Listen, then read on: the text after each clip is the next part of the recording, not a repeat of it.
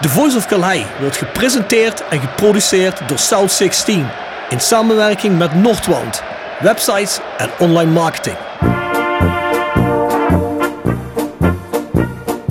Eriksen, hij komt wel goed terecht trouwens, die uittrap. Eriksen, dit is zijn sterke punt. Van buiten naar binnen komen en dan schieten. Dat is een schitterende goal.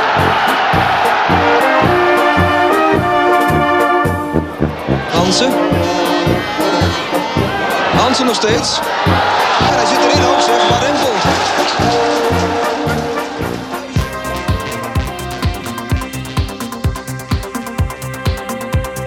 Van der Leur.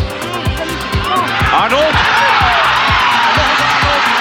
Over de lijn, het is 1-1 of niet? Het is 1-1.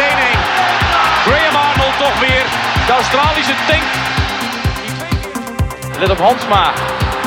En dan is het Sibon die die bal teruglegt op Van der Leur. Hij ramt 3-1 binnen in de 49ste minuut. En dan is de wedstrijd verlopen. toch al zo lang in de club zitten en door samen in geëerd werden. Daar hebben we er niet voor gedaan, maar dat is hoe gekomen is. Dat deed mij persoonlijk en ook aan het Hendricks enorm. geven. Hadouier als hij rustig blijft. Hij blijft rustig. Roda op 3-1. Ja, dat kon niet uitblijven. Vente komt vrij voor het doel. Kan Roda toeslaan. Goppel en die zit erin. Het is 3-2 voor Roda. Kwartier voor tijd.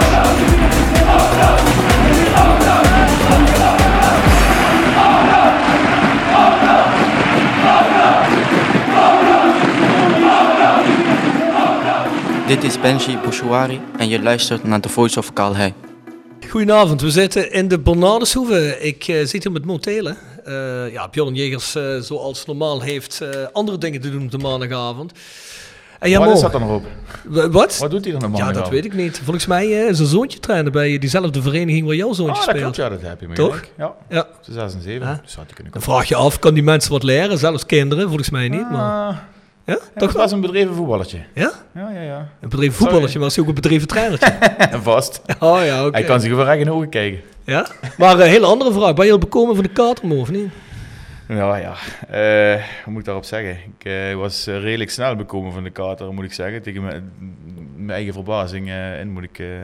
De wedstrijd was dermate slecht, vond ik. Ik vond dat we gewoon geen enkel moment echt aanspraak maakten. We hebben in de eerste helft wel wat kansen gehad, maar zeker in de tweede helft uh, zag ik er helemaal geen heil meer in. En kwam er eigenlijk boven wat ik het hele seizoen uh, een beetje zag, dat, er, dat, ze, dat, we veel te wispelturig, wisselvallig zijn. En hebben we, wat mij betreft, geen enkele aanspraak gemaakt in de tweede helft van de verlenging niet. Ja, zit wat in. Gaan we het zo meteen wat uitvoerig over hebben, uiteraard. Voordat we erheen gaan, je vindt deze podcast op uh, Spotify, iTunes. Je kent de kanalen wel, de platformen, eigenlijk overal waar je wel podcasts kunt vinden. Dus ja, ik zou zeggen, anders tik het in in Google. Hè. Uh, The Voice of Calhei podcast streamen. Dan komt hij automatisch ergens tevoorschijn. Volg hem en raad hem aan. We hadden laatst een uh, mooie tweet van iemand die had hem zijn vader laten luisteren de eerste keer. En die, was er helemaal, uh, die vond het helemaal fantastisch. Dus ja, kijk, zo moet je het doen. Hè. Hoe meer mensen, hoe meer vreugde. Dan hebben we ook nog een podcast die doet de voor- en nabesprekingen van de wedstrijd. Dat is eigenlijk compleet andere inhoud, want dat is eigenlijk een stukje actueler. Um, dat is de Voice Kort. Dat heet trouwens binnenkort anders. En die vind je op petje. Ja, ja, die begon ooit kort, maar die, dat is al lang niet meer kort. Die zit op petje. afschuine streep naar voren, The Voice of Calais. Dat zit wel achter de paywall, dus dat betekent dat je iets van iets meer dan een euro betaalt per aflevering. Je kunt ook een jaarabonnement nemen. En er zitten er wat extra's bij, dus ja, ik zou zeggen, ga daar eens kijken als je daarin geïnteresseerd bent. We moeten dit natuurlijk aan het draaien houden. Dus iedereen die zegt, ik wil me abonneren, daar krijg je dus een podcast van rond een uur voor terug. En ja, nagelang wat je abonnement is, wat meer. Bovendien kun je daar ook gewoon een vrije gift doen. Dat weten misschien mensen niet, hè? maar dat ga ik nu wel gewoon zeggen. Dat doen ook soms mensen en dat vind ik, vind ik wel prettig. Er zijn ook altijd mooie berichten bij, altijd hard onder de riem gestoken. Dus ja, goed, wij gaan sowieso door. Uh, of Roda nou drie jaar nog niet promoveert of dertig jaar niet, podcast die, die blijft nog wel even. South16.com is onze website. Trouwens, vanaf volgende week gaat de kluk af voor de helft van de prijs eruit. Wij zijn rodajc.nl. Ja, een van de grote websites in het rode gebeuren. De man van de wedstrijd. In de 70ste minuut kun je niet meer kiezen. Het seizoen is voorbij. Uh, helaas maar waar. Maar dat zal volgend seizoen weer het geval zijn. En door die hè, man van de wedstrijd in de 70ste minuut zijn we onder andere ook tot een samenstelling gekomen voor de Dick Nanninga Award. En die is inmiddels online. Heb je al gestemd, Mo? Jazeker. Ja? Maar ga je je stem vertellen of is het geheim? Ik denk niet dat ik iemand beïnvloed, dus ik heb op uh, Dylan Vent uh, gestemd. Ja. Hebben jullie al gezien dat hij online is? Ja?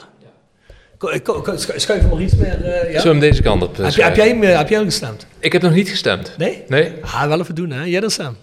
Nee, maar ik vind het ook wel lastig hoor, moet ik zeggen. Ja? Ja, ik twijfel tussen twee mannen. Vente inderdaad, en Fluke. Ja. Altijd belangrijk hè, met z'n tweeën. Ja. Ja, altijd belangrijk. Ja, ja, ja. Ben benieuwd wat eruit komt. Dan kun je wel zeggen wat tussenstand is. Oh, laat maar je komen. Tromgeroffel? Gaan we dat doen? Gaan we dat openbaar maken? Ja, maar volgens mij kun je de tussenstand sowieso je zien zien? als je Ah, gestemd hebt, hoor. Dus Ja. eh, dat dacht ik wel. Ja, kijk, ik heb natuurlijk sowieso een oog op de tussenstand, maar laten we het zo zeggen. Dylan Vente ligt wel voor in de, in de stemming eh, op het moment.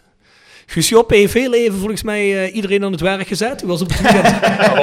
In- in het Even een belrondje in, in, gedaan. het, in het weekend lag opeens Patrick Fluke en, eh, en eh, Dylan Vent een heel stuk achter. Maar ik kan jullie alvast mededelen, volgens mij hebben we vorig jaar ook gezegd, want toen was er ook zo'n kandidaat bij. We gaan verder niet erop in wie dat was.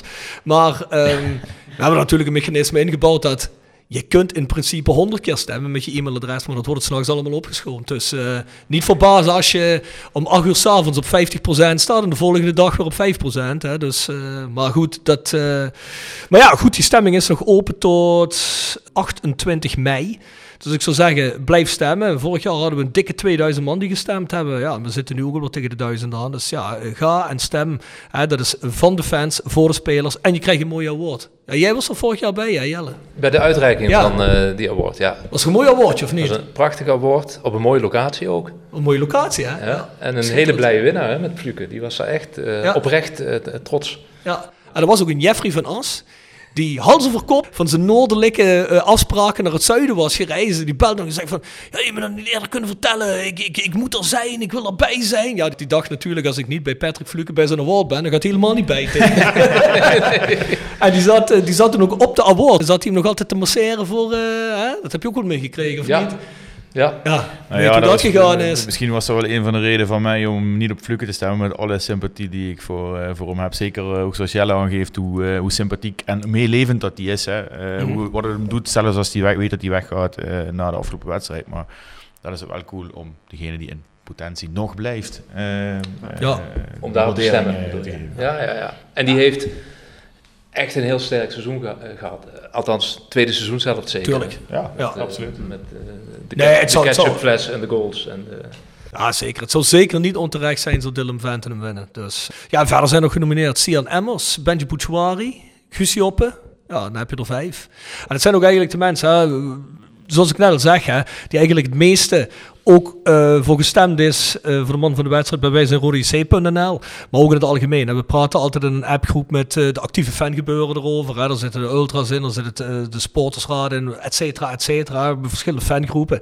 En er wordt ook altijd gepolst mensen. Hè. Wat, wat vinden wij nou eigenlijk als fans? Wat, wie moet er zeker in staan? En dat toetsen we dan aan het wij zijn gebeuren. Ja, nou ja, goed, dan kom je op die vijf man uit. Dus eh, dat is wat het is. Dus ga erheen. Dicknanningenaward.nl Ja, het laatste noem ik nog even het Roda Museum. Hè. Die zijn nu ook weer open. Maar moet je je er eigenlijk aanmelden als je erheen gaat?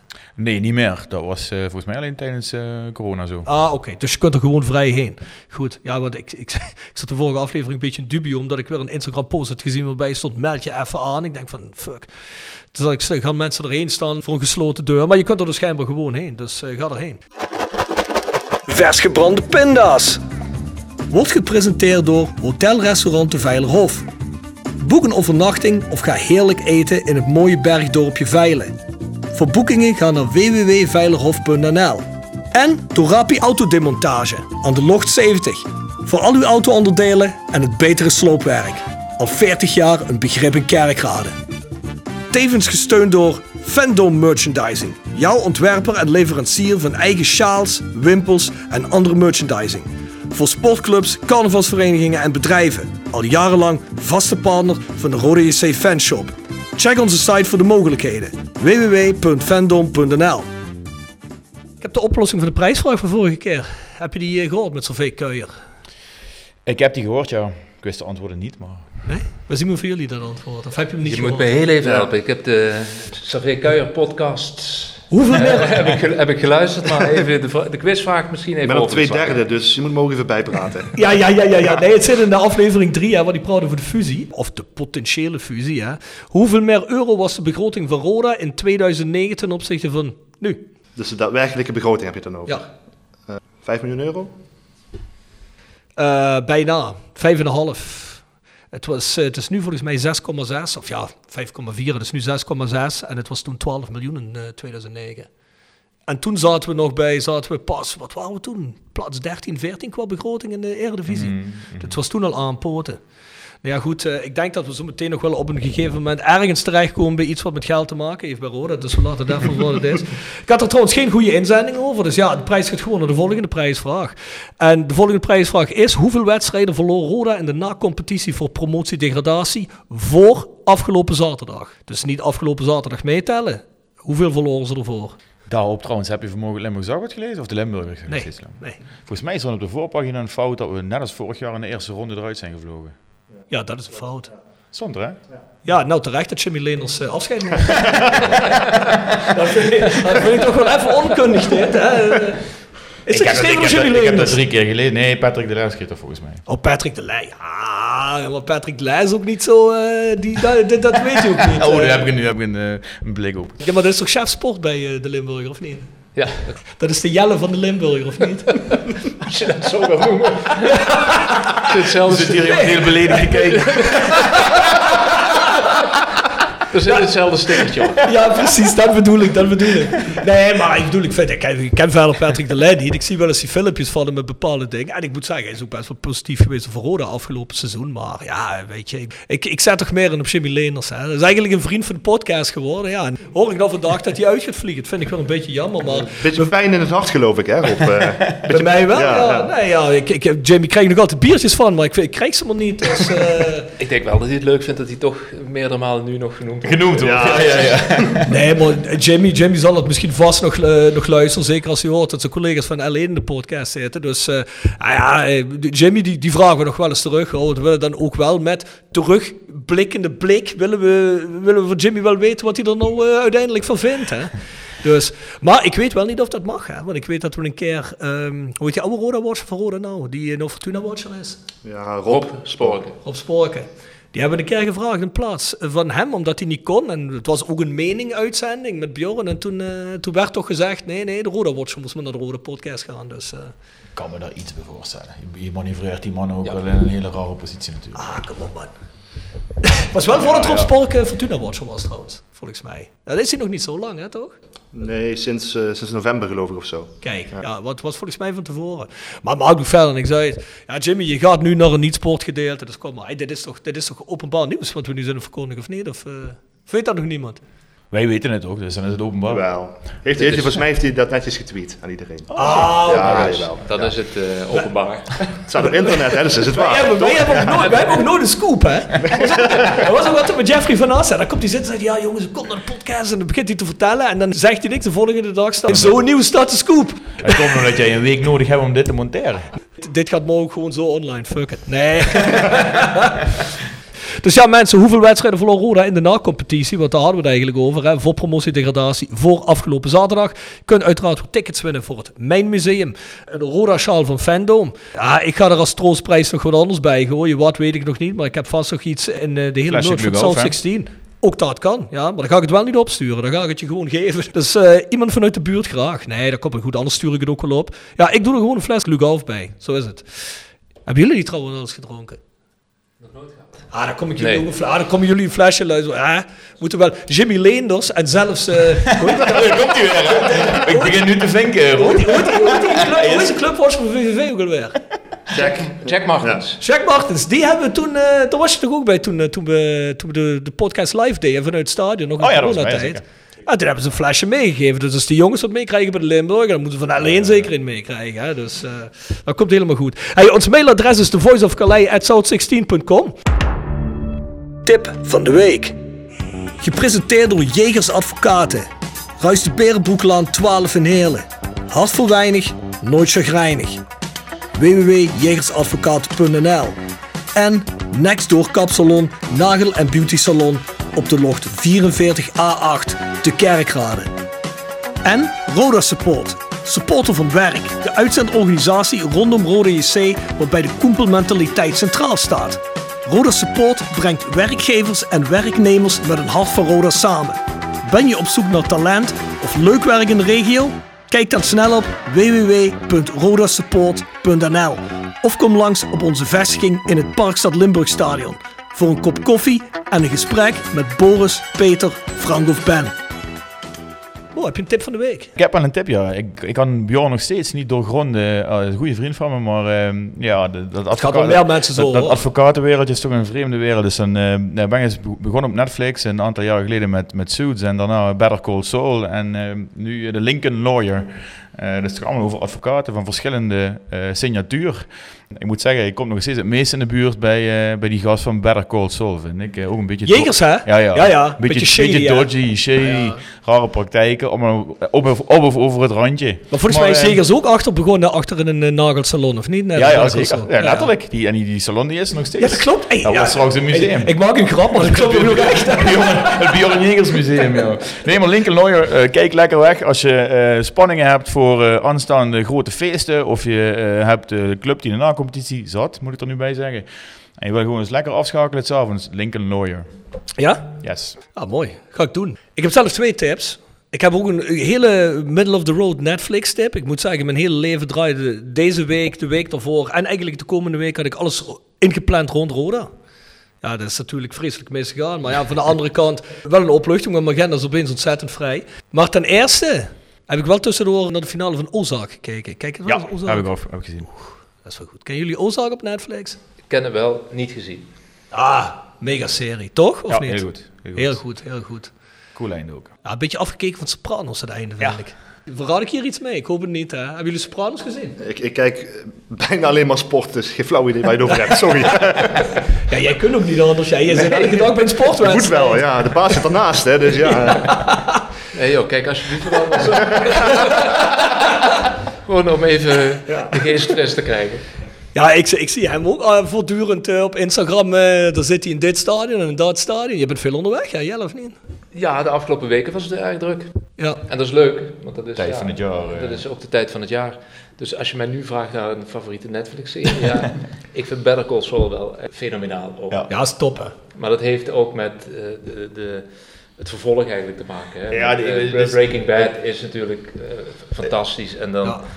als je dan deze gaat kijken, dan is dat eh, wel heel erg leuk. Super knap om een eh, prequel te maken die, die goed is. Toch een iets ander karakter. Eh, maar dan dat, ja, dat karakter wat iedereen al cool vond van, eh van Ja. de advocaat, dan op die manier neer te zetten. En, en het werkt ook langzaam toe naar de meer herkenningspunten eh, Ja. richting het verhaal van, Ja. eh, van Breaking Bad. Ja. Ja, bij mensen die helemaal niet Netflix zitten, denken, wat de fuck hebben die gasten het over? eh? Ja, we kunnen het beter hierover hebben dan over Roda. Ja, dat klopt. Jongens, dit wordt geen, vo- geen voetbalpodcast, dus maar dat jullie het weten.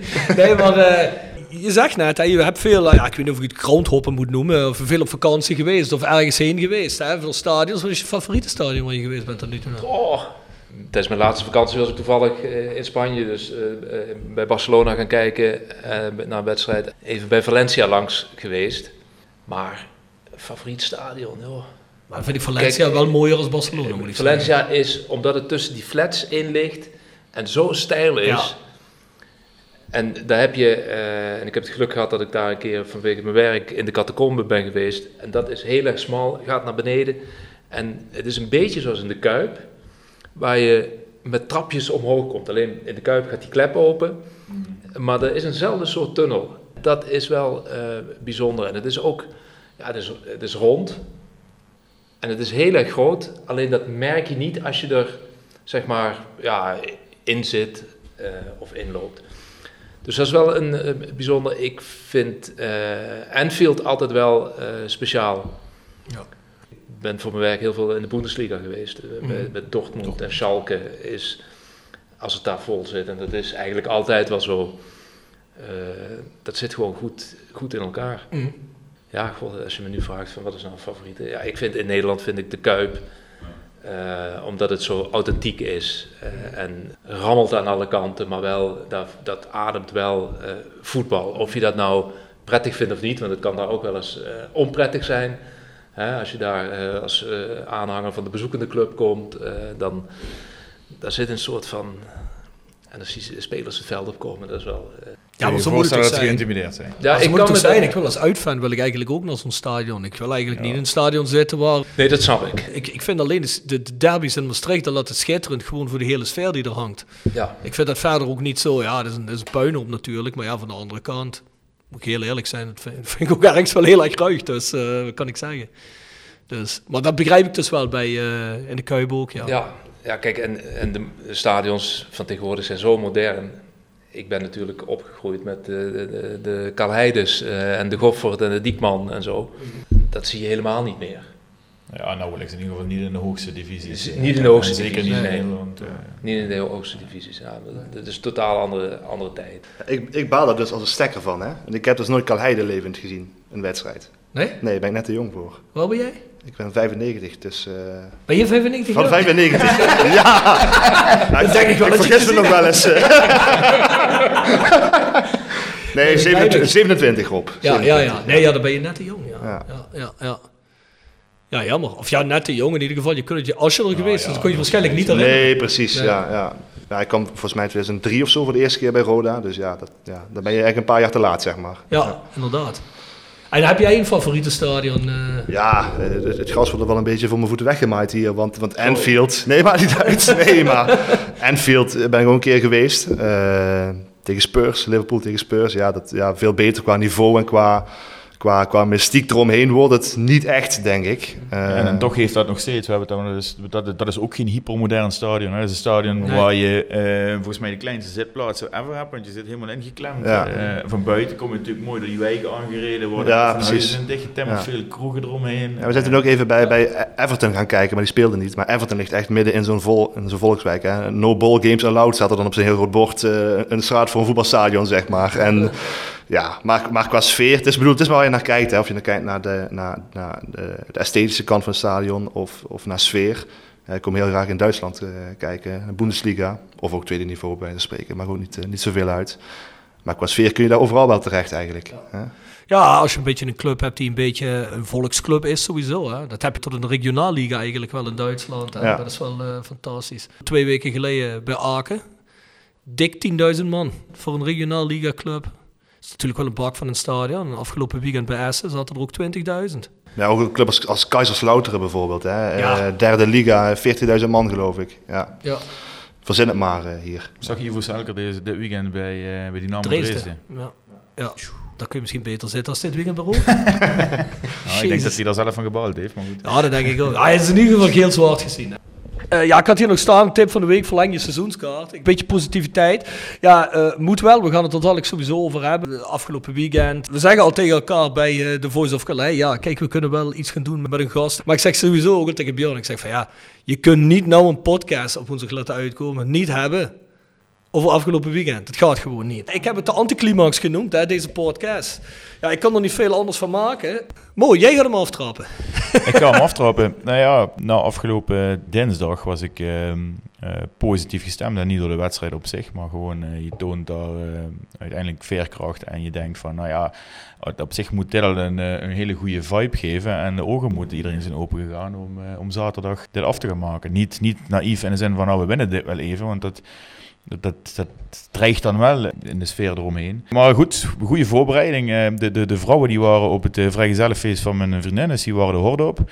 De mannen die bleven met de kinderen achter en die konden dus niet de kroeg in. Wat we typisch bij dit soort wedstrijden een uurtje of drie van tevoren zouden doen. Dus ik dacht, nou ja, nodig die gasten maar uit thuis. Barbecue'tje aan, eh ander wedstrijdje opzetten op een scherm buiten, eh, muziekje erbij. Eh, dat was allemaal prima. Het ging goed vanaf drie uur 's middags.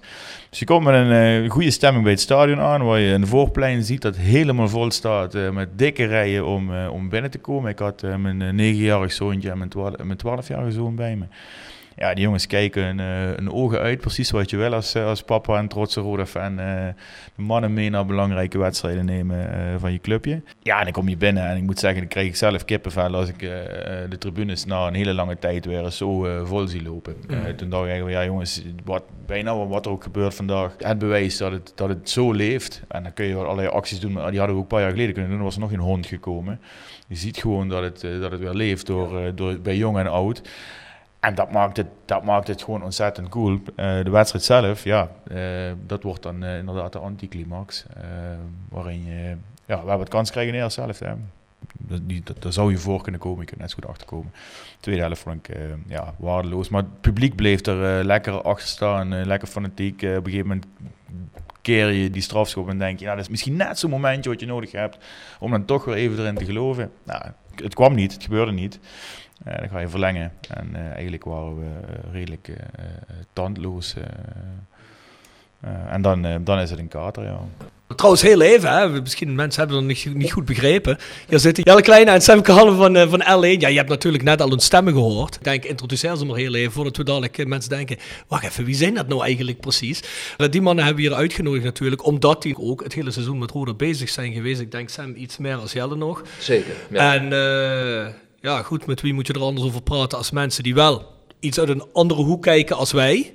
Maar wel alles meegekregen hebben, net zoals wij. Hoe hebben jullie het beleefd zaterdag?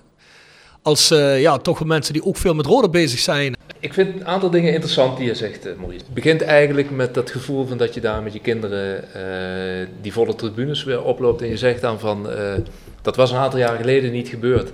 Wat is er eigenlijk veranderd? Dat, dat, en dat is niet, eh, deze wedstrijd was dan een soort van, eh, eh, op dat gebied climax.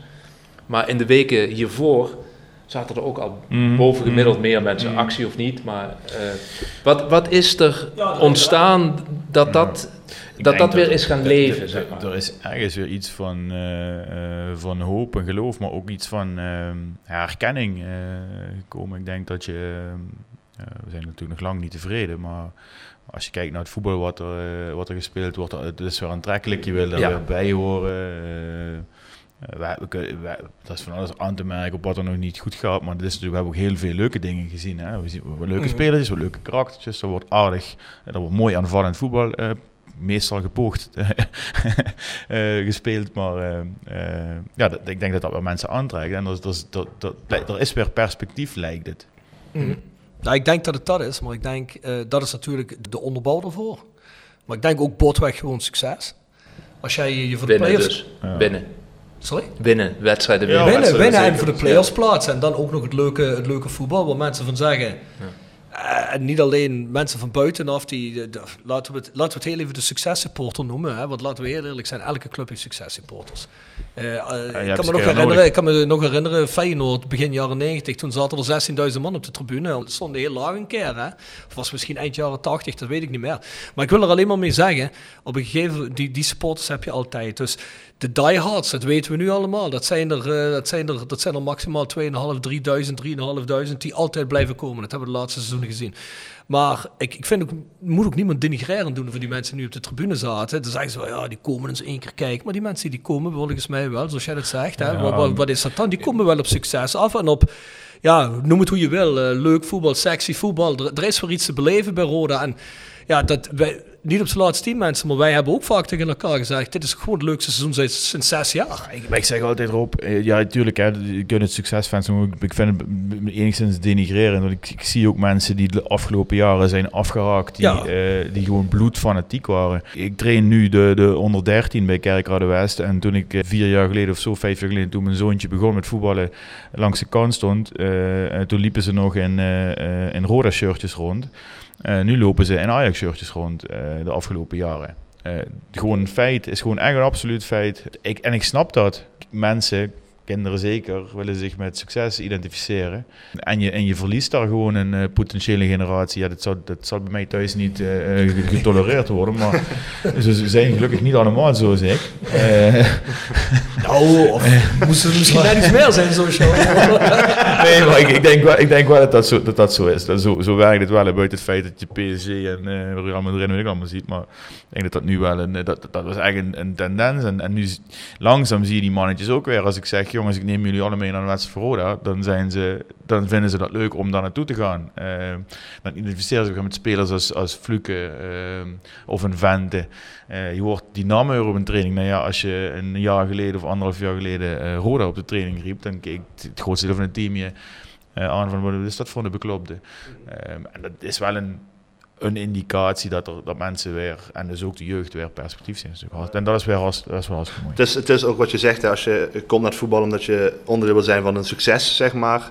Dan is dit goed bezien ook de eerste wedstrijd in een paar jaar in Kerkrade die er echt toe doet, zeg maar. Alles, eigenlijk sinds de degradatie is Waar allemaal... publiek bij mag zijn. Ja, precies. Waar publiek bij mag zijn. Eh, vorig jaar geen play-offs in eigen stadion. Hè, Alleen maar uitwedstrijden. Daar was ook amper publiek überhaupt bij. Ehm, en dat in combinatie met misschien ook wel een herkenbaar elftal. Want ja, iedereen heeft eh, mannen als Fluke en Vente wel leren kennen in de loop der jaren. Ja, dat is toch anders dan bijvoorbeeld het seizoen onder Jean-Paul de Jong. Waarin jongens werden ingevlogen en net zo snel in sommige gevallen gelukkig weer weg waren. Ehm, dus ik denk dat daar ook wel iets opgebouwd is in dat opzicht. Ja, absoluut. Ja, 100%. Ik denk echt, hè, dat, maar dat komt misschien zo meteen nog wel even op, maar dat weet ik eigenlijk wel zeker. Dus ik Roda goed moet realiseren dat succes de grote factor is voor eh, de grote aantrekkingskracht. Dus voor alles, voor het bedrijfsleven, voor het publiek. En eh, je kunt wel zeggen van ja, het publiek zat er, nu het bedrijfsleven nog, want die zat er nog altijd niet massaal.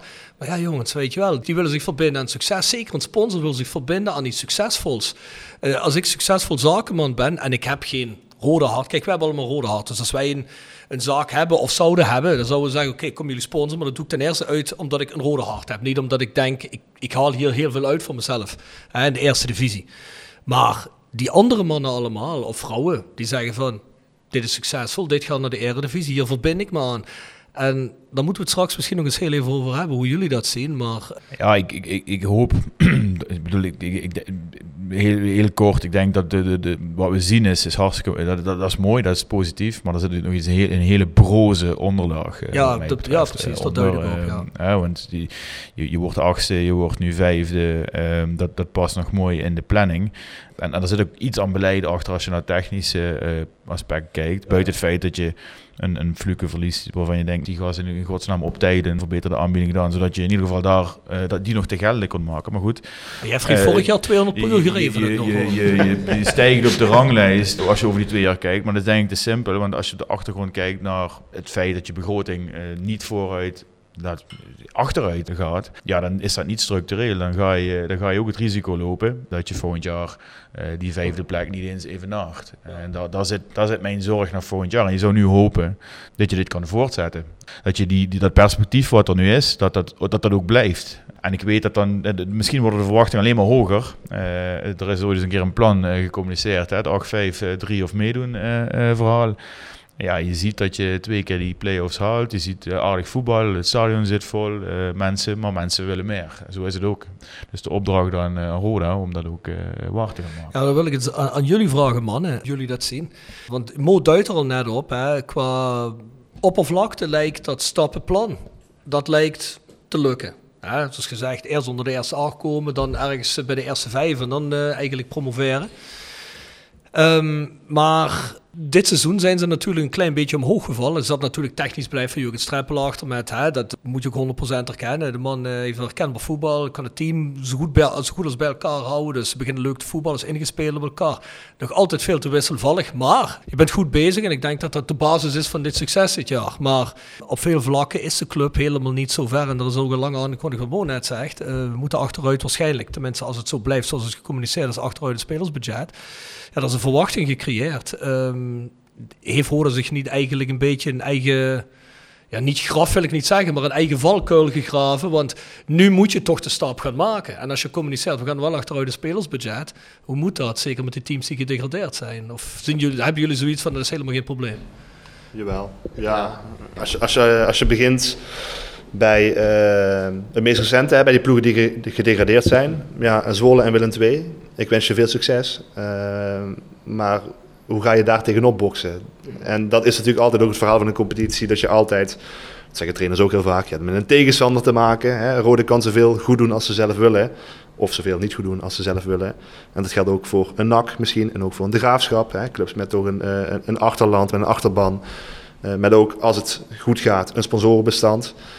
Ja, ehm, tot die hoog en laag kunnen springen. Maar zolang Willem II en Zwolle en in het ergste geval ook Heracles gaan doen wat ze zouden moeten doen, dan ga je daar niet bij in de buurt komen, vrees ik. En dan, ja, dan, dan is top 5 al een hele lastige kaart. Dan heb je nog niet eens over een ADO eventueel wat erin gaat blijven. Eh, en dus kun je er nog wel een paar noemen. ja, dat dat, uh, dat het wel een hele lastig verhaal wordt. Zeker wat je zegt, met een begroting die dan terug zou moeten. Um, dus ja, ik heb er wel een hard hoofd in eerlijk gezegd, als je dat ziet. Misschien wel veel in de conclusie, maar het is wel hoe het is wat mij betreft. Nou ja, ik bedoel, ik, ik zie het niet anders hoor, Sam. Uh, Jelle. Nee, ja, kijk, uh, uh, ik ben het daar volledig mee eens. Ook omdat in de voetballerij de begroting vaak de plek op de ranglijst bepaalt. Dat is, is nou eenmaal zo. en als dan in dit geval Jordans Peters zei volgens mij gisteren of zondagochtend bij de collega's van ESPN, e hebben we eigenlijk een beetje boven onze stand geleefd. En hij zei, het spelersbudget mag eigenlijk nu niet naar beneden, willen we een volgende stap zetten. Dat vind ik twee signalen die uh, eigenlijk ons weer een jaar terug uh, laten gaan in de tijd. Want dat hebben we Jeffrey van As ook horen zeggen. En nu is het, uh, ja, dan kom je op het verhaal Phoenix Groep, die met hun stappenplan komen. En ja, ze liggen op schema met 8-5. Maar om dit elftal, en als je dan inderdaad in ogenschouw neemt dat uh, er uh, minimaal één key player gaat vertrekken. Voor niks. De key player. Ja, precies. ja. Nee, maar goed, als je, als je dat dan uh, daarbij optelt. Kijk, dit, deze selectie is zo ontzettend smal. daar zitten we eigenlijk maar 13 spelers die volwaardig, zeg maar, eerste elftal zijn. Als dat niet meer wordt, dan ga je echt, eh, en dat, dat sluit dan weer aan op het verhaal van Sam, met al die ploegen die uh, degraderen of in de keukenkampioen-divisie blijven. Dat is echt een pittige klus om die volgende stap, als er niks bij komt, te gaan maken.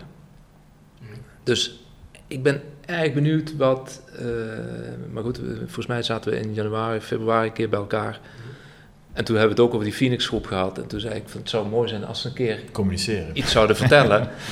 En ik denk dat dat nu uh, ja, uh, nog belangrijker is misschien wel. Want daarmee kun je al die mensen die nu uh, meer dan geïnteresseerd zijn en die de weg naar het stadion weer gevonden hebben, daarmee kun je die misschien al een beetje binnenhalen. He, want iedereen heeft de pech gehad van lege stadions. Want ook daarvoor hebben wij vaak al gezegd en geschreven dit elftal, of de manier waarop gevoetbald wordt, verdient gewoon publiek. En dat is ook wel gebleken de afgelopen maanden. Uh, dat ging steeds meer. Dan kwamen er 7000, dan kwam er, was er een actie, dan zat er winst 10.000. Dat betekent dat er, uh, dat er iets is. Alleen, ja, nu is uh, die partij aan zet om de volgende stap te zetten. Ja. En ja, ik ben benieuwd hoe dat gaat. De, de geluiden die er zijn, is dat het niet na dit derde jaar afgebroken wordt. Maar hoe het dan wel verder gaat, ik ben echt benieuwd. Houd heel even vast. Zeker. Heel even eerste rubriek. Jonas Jo wordt gepresenteerd door RodaJC.goals. Het Instagram-account voor je dagelijkse portie Roda-content. Iedere dag een doelpunt uit onze rijke historie. Van Aruna Kone tot Shane Hanze. Van Bob Peters tot Dick Nanninga. Volg RodaJC.goals op Instagram. Nog geen zonnepanelen op uw dak? Bij Marimi Groep in Kerkrade en Heerlen bent u op het juiste adres voor duurzaam advies. Bespaar direct op uw energienota met een hoogwaardig zonnesysteem van Marimi Groep. Marimi Groep werkt uitsluitend met hoogwaardige zonnesystemen die voldoen aan alle eisen van de grootste keurmerken in de solarbranche. Kijk op marimi-groep.nl en maak een vrijblijvende afspraak voor professioneel advies op maat. Van advies tot montage, alles in eigen huis. Persoonlijk contact staat bij ons op nummer 1. Marimi Groep, als kwaliteit uw keuze bepaalt. Tevens gesteund door Metaalgieterij van Gilst. Sinds 1948 uw plek voor gietwerk in brons. Van brons, van Gilst. Sam, jij hebt wel een, hè? ja, Jelle heeft er wel een gedaan, dus uh, ja, nu ben jij de beurt. Ja. Ja. Maar hoe iets recent zijn hoor, mag wel Ja, maar ja goed, ja, je, je, wilt toch iets uit, uit de, de periodes waar je liever aan terugdenkt natuurlijk, hè? In dat opzicht. Ja, ja, ja. Tot zaterdag dacht ik graag in het seizoen ja. 2020 terug. Dat snap ik, ja. ja. ja. nee, dan, dan, dan ga ik nog wel iets, iets verder terug. Um, en dat is een goal die ik ook een beetje vanwege de, de context dan, dan kies. Mm -hmm. uh, 2011, als ik me niet vergis. Roda tegen Ajax. Het grote Ajax toen nog, hè? niet te jong. Uh, volle tribunes, ik denk ook iets van 16.000, 17.000 man. Uh, 2 tegen 2. En eh Haddewier die een bal vanaf meter of twintig uit een vrije trap de kruising injaagt. Haarfijn. Voorbij Stekelenburg volgens mij, ook niet de minste keeper natuurlijk. Die eh, eh, daar op doel stond ondertussen. En dat was echt een wedstrijd, dat was echt een zinderende wedstrijd, kan ik me herinneren. Waarin Ajax voorkwam, met Ajax met Eriksen geloof ik, Elhamdawi, dat soort jongens. En Rode zich terugknokte, die mooie ploeg met, met Jonker, met Haddewier, met Vormer, Willem Jansen. Een heel goed middenveld. En een vrije trap die je ziet liggen en je denkt, ja, die kan erin. En die gaat er precies in, zoals iedereen hem erin ziet vallen. En als je daarachter dan die, die, die Koempeltribune zo ziet opveren, ja, ja, prachtige goal. Mooi. Mooi. Oh, die gaan we erin zetten. Oké. Gaan we erin zetten. hey, eh, mooi. Jij wilde net iets gaan vertellen net. Of ben je hem kwijt? Ehm, ik ben hem kwijt. Sorry. nou, ik weet dat Jelle zei. Kijk, eh, ik ben heel benieuwd hoe ze dat nou gaan doen volgend seizoen. En Jordan Peters, hè, communiceerde al die signalen die hij gaf eh, op de zondagmorgen bij ESPN. Wat Ja, al iets zo opgeven. Wat dat betreft is het dus helemaal niet uh, rooskleurig. Hè? Zoals ik zei, je staat daar met dat gevoel, met, met, met je kinderen, om het dan maar eens een, een, gevoel te geven eh, voor, voor en in dat stadion. Eh, maar tegelijkertijd, en, en dat is hartstikke mooi allemaal, maar tegelijkertijd vrees je wel voor wat er gaat komen. Je komt wellicht in de, in de sterkste eerste divisie eh, sinds, eh, sinds jaren eh, terecht. Je hoort dit soort geluiden van het gaat, ja, gaat, de begroting gaat naar beneden. Je weet ook dat de bijdrage in principe volgens mij 5 ton minder is komend jaar, omdat er al een voorschot op, dichten, Ja. genomen is. En dat, dat, dat snap ik allemaal, maar wat is dan het beleid? Hoe, kom je dan, hoe ga je deze club dan in de komende jaren naar de Eredivisie brengen? Want zelfs al zou je die sportieve ambitie niet hebben, het, bestaansrecht van Roda is volgens mij ontleend aan spelen in de Eredivisie. We hebben gewoon een te dure infrastructuur om, eh, eh, om dat niet eh, te doen. Dan kunnen we het gewoon volgens mij nooit structureel overleven. Dus ik, ik ben benieuwd naar waar ze het dan wel vandaan moeten halen en, en wat ze voor plannen hebben om ja, die gelden dan wel binnen te gaan halen. En wanneer dat ze dat gaan doen en hoe, hoe ze hun plan bijstellen eventueel. Zelfs dat zou ook een mededeling zijn. Hè? Van ja, luister, eh, we hebben pre-corona eh, dat plan gehad. eh, we zijn boven onze stand geëindigd.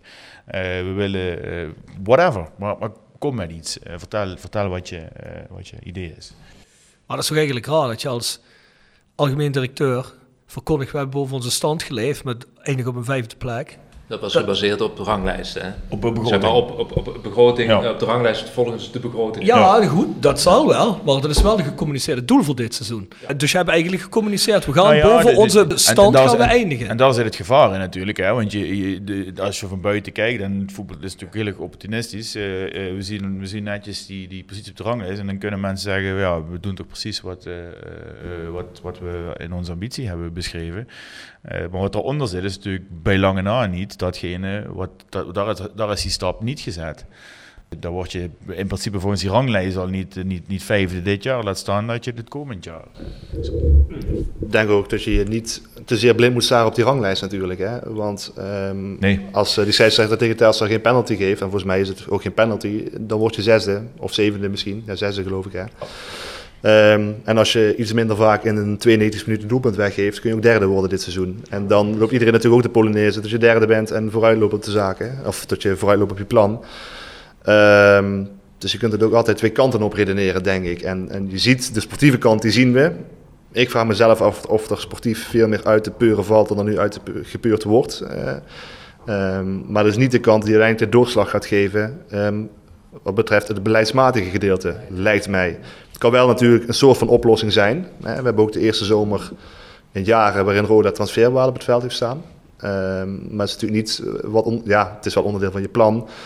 Maar het is niet zeg maar hè, eh, uiteindelijk eh, waar je, waar je op, op plant, zeg maar. het, zou een het is jarenlang een strategie geweest. Hè? Ja, zelfs- eh, en, en, en, Als je dat Sofie betreft- Kuijer en wat podcast dat hebt gehoord, dat eh, was altijd al een plan. Hè? ik nog een keer. eh, we- we hebben donkerbruine vermoeden dat je een fluke best had kunnen verlengen. Als je er, ehm, voordat hij was begonnen te praten met wie, met wie dan ook. Ja, niet voor ons nu de, de wijsneus op te zetten, maar ja, als je daar een ton eh, extra in had, had, ingeduwd op tijd, had hij bijgetekend. Ehm, en dan was hij voor een mooie prijs was hij net zo goed weggegaan. Eh, Of niet. Maar wel voor je- geld. maar wel voor geld, ja. En dat, dat, had, dat had ook beleid kunnen zijn. Hè. We wisten, we- iedereen is dolblij dat Benji bijgetekend heeft. Ik weet niet tegen welke voorwaarden en wat voor een afkoopsom. Maar ja, dat, zijn, dat is wel wat je, wat je moet doen. Creëer dan in ieder geval waarde op het veld. En dat, Maar, dat maar dit, dit, maar- dit is toch ook gewoon gecommuniceerd door dat dit wel een ook van de dingen is die, die ook bij het beleid past, dat ze dat wel willen doen en waarde willen creëren. Ik vind dat heel raar. Er zijn twee redenen waarom ik kan voorstellen dat je zo'n beslissing vorig seizoen ruim op tijd, en dan heb ik het niet op het einde van de competitie, hè, maar dat, je, dat je bijvoorbeeld in, weet ik veel, in, in Maardel bezig bent met zo'n jongen. Eh dan kan ik me er twee redenen voorstellen waarom je dat niet doet. Dat is één, puur omdat je botweg keihard zegt, nee, we begrijpen het en we zouden het ook eigenlijk willen doen, maar houden gewoon hand op de knip, klaar. Dat is één reden. In dat geval, vind ik, moet je misschien geen club runnen, want dan, dan ben je gewoon niet goed bezig. Dat is één, maar dan kom ik op mijn tweede punt. Of je ziet het potentieel niet in die jongen. En dan vraag ik me af of er genoeg voetbalkennis in de club zit. Ja, ja, daar, heb je, daar heb je mensen voor rondlopen erop. En ik bedoel, van Ja, Assad, van. Assad hier, die, die riep eh, zelf al eh, maanden van tevoren, eh, samen met, met Rosje en met, met, met Streppel, eh, die twee mannen moet je een eh, langdurig die hebben daarvoor lopen bedelen en, en, en schreeuwen om dat voor elkaar te krijgen. Nee, goed, maar ik bedoel, En die, man, je- die mannen waren op een gegeven moment weg. En Ja, wat, er, van, wat er overbleef, is daar dan genoeg voetbalkennis om te kunnen inschatten? Ja, zo'n Patrick Fluke, die moeten we koers voor het koers verlengen, want die gaat geld opleveren. Dat is, ik geef je 5 euro en ik krijg straks voor jou 50 terug. Dat is toch win-win? Kijk, ik denk dat je geluk hebt dat er met Joris Peters een algemeen directeur zit die weet hoe een kleedkamer werkt, die weet hoe die voetbalwereld in elkaar zit. Maar ik denk dat hij te kort op die plek zit om dat traject al, met name richting Fluke, eh, Hmm, zeker. eh, eh, Zeker, eh, dus- nog, nog in gang te, te kunnen zetten. En ik denk dat daar het probleem van eerder om de hoek komt kijken, dat die technische positie binnen de RVC niet, nog steeds niet gevuld is. En, want daar, die persoon zou in theorie daar of het aanspreekpunt voor moeten zijn. En in ieder Of geval de daar- lobbyist. Of de, of de lobbyist daar beweging in kunnen krijgen. Ja. Als de anderen zeggen, die nou, eh, we hebben gewoon de centen niet. Want dat kan natuurlijk. Alleen dat, dat is nu in een soort van vacuüm terechtgekomen. Waarom wordt die positie niet gevuld volgens jullie? Als je toch in een, in een structuur zit van een bedrijf, dan hoor je toch gewoon die RVC-posities te vullen. Je hoort toch niet gewoon te zeggen, ja, we gaan eerst even kijken dat we dit doen en dit doen. Dit, dat moet, moet toch gewoon parallel aan elkaar gebeuren. Er hoort toch gewoon bij een voetbalclub iemand op de post technische zaken te zitten. Ja, laat ik het zo zeggen. Ik vind het wel opvallend dat eh, de andere posities eh, wel alweer ingevuld zijn. Hmm. En, En net die en, niet. en net die niet. En dat, Ja, insinueert iets. Nee, nou ja, dat, eh, eh, dat heeft. Ik denk niet dat ze het niet belangrijk genoeg vinden. Maar ik denk dat ze niet de juiste man of vrouw vinden die daar geschikt voor is. En, en, eh, maar dat ze ook niet weten waar ze moeten zoeken. Maar hoe, hoe, waarom denk je niet de geschikte persoon voor? Uit, uit wat voor achtergrond? Dat ze het gewoon echt niet weten? Nou ja, of dat, dat- ze misschien maar- maar iemand moeten vinden die in, in, het, in het geheel past? Nou ja, en die misschien niet in, eh, bij iedereen in het putje valt. Dat is wel een, een, Dat- dat een- ga je een- denken, een probleem als, de, als de mensen luistert naar de mensen die er ondertussen weg zijn en die de dynamieken beschrijven van die RWC. eh, dat, dat, dat het vooral eh, eh, eh, een, een show, die, een one-man show is die daar gerund wordt. Je krijgt natuurlijk daar wel, als je daar iemand op technische positie zit, per definitie een ander belang dan, dan het belang van mensen die, die verantwoordelijk zijn voor de financiën bijvoorbeeld in die, in die groep. Want er gaat iemand komen, als hij het goed doet tenminste, en niet alleen maar ja zit te knikken, die precies dat gaat vertegenwoordigen. Die gaat, die gaat voor Streppel en zijn, en zijn technisch directeur eh, staan en, eh, en roepen dat, ze, dat er iets nodig is als je deze club vooruit wil brengen. En dat, daar zul je, een, daar zul je met, die, met die groep een middenweg in moeten vinden, wat je dan daar beleidsmatig van... eh, Ja, en dat moet, en dat is omdat de voetballerij, of de voetbalbedrijf is zo'n atypisch bedrijf, daar moet een voetbalman in zitten. Ik heb jarenlang bij PSV rondgelopen. Daar zaten in die RWC eh, mensen uit het zakenleven, hè, van eh, eh, Jumbo en van AMS, ASML en noem het allemaal maar op. Maar daar zat altijd Frank Arnezen, Hans van Breukelen, mensen die weten wat erin en die masseerden daar mhm. of stuurden daar wel om die technische mensen en, die, en de voetbaltak zeg maar te helpen. Maar dat is toch... En, en dat, dat, ja, dat ontbreekt hier duidelijk, maar dat, je, je mist op een of andere manier urgentie. Ja, maar dat is een beetje wat ik aan het hele, de hele vereniging mis. En dan komen we weer terug op het punt. Ik weet niet wie dat net van jullie zei, maar ik, ik, eh, ja, wat jij zei over Jonas Peters. Ik vind eigenlijk een hele beste gast en ik vind ook dat het de juiste man is voor de positie. Alleen, ik hoor Jonas wel heel vaak orakelen over precies dat verhaal wat de Funnels ons nou al twee jaar vertellen. Ik wil even boven onze stand, zo en zo. Ik bedoel, daar, daar spreek je nog urgentie uit en geen ambitie uit. En een vereniging als Roda, kijk, dat kan ik wel zeggen als diehard fan, maar eh, een voetbalvereniging die die, die die urgentie en die ambitie niet heeft, dat, dan moet eigenlijk een algemeen directeur staan die zegt, ja, we moeten nou eigenlijk doorpakken. Hè, dat is eigenlijk wat we willen. En bovendien is het ook drie jaar geleden zo gecommuniceerd dat in het derde jaar, en dat komt er nu aan, dat we voor promotie gaan. Nou, dan moet je niet zeggen, dat ligt al een bedrag voor vast volgens mij. Dan moet je zeggen, dat bedrag moeten we dan maar gewoon bij elkaar weten te krijgen. Dat we dat doel ook kunnen bereiken. Want het gaat in de sport toch om het... Kijk, je kunt er veel omheen draaien. De Olympische gedachten is allemaal leuk. Maar het gaat toch gewoon om te winnen zo meteen. Hè? Ik bedoel, je wilt toch gewoon kampioen worden of tweede. Of in ieder geval die na-competitie winnen. Want wat doen we er anders voor? Ik, ik, denk wel dat, dat Jonas Peters daar misschien ook niet per se in een hele makkelijke positie in zit. Want die komt natuurlijk ook in dit plan vallen hè, na anderhalf jaar. Mm zit, is zelf pas een half jaar bezig. Uh, moet dus aan de gang met een plan wat andere mensen ook opgesteld hebben.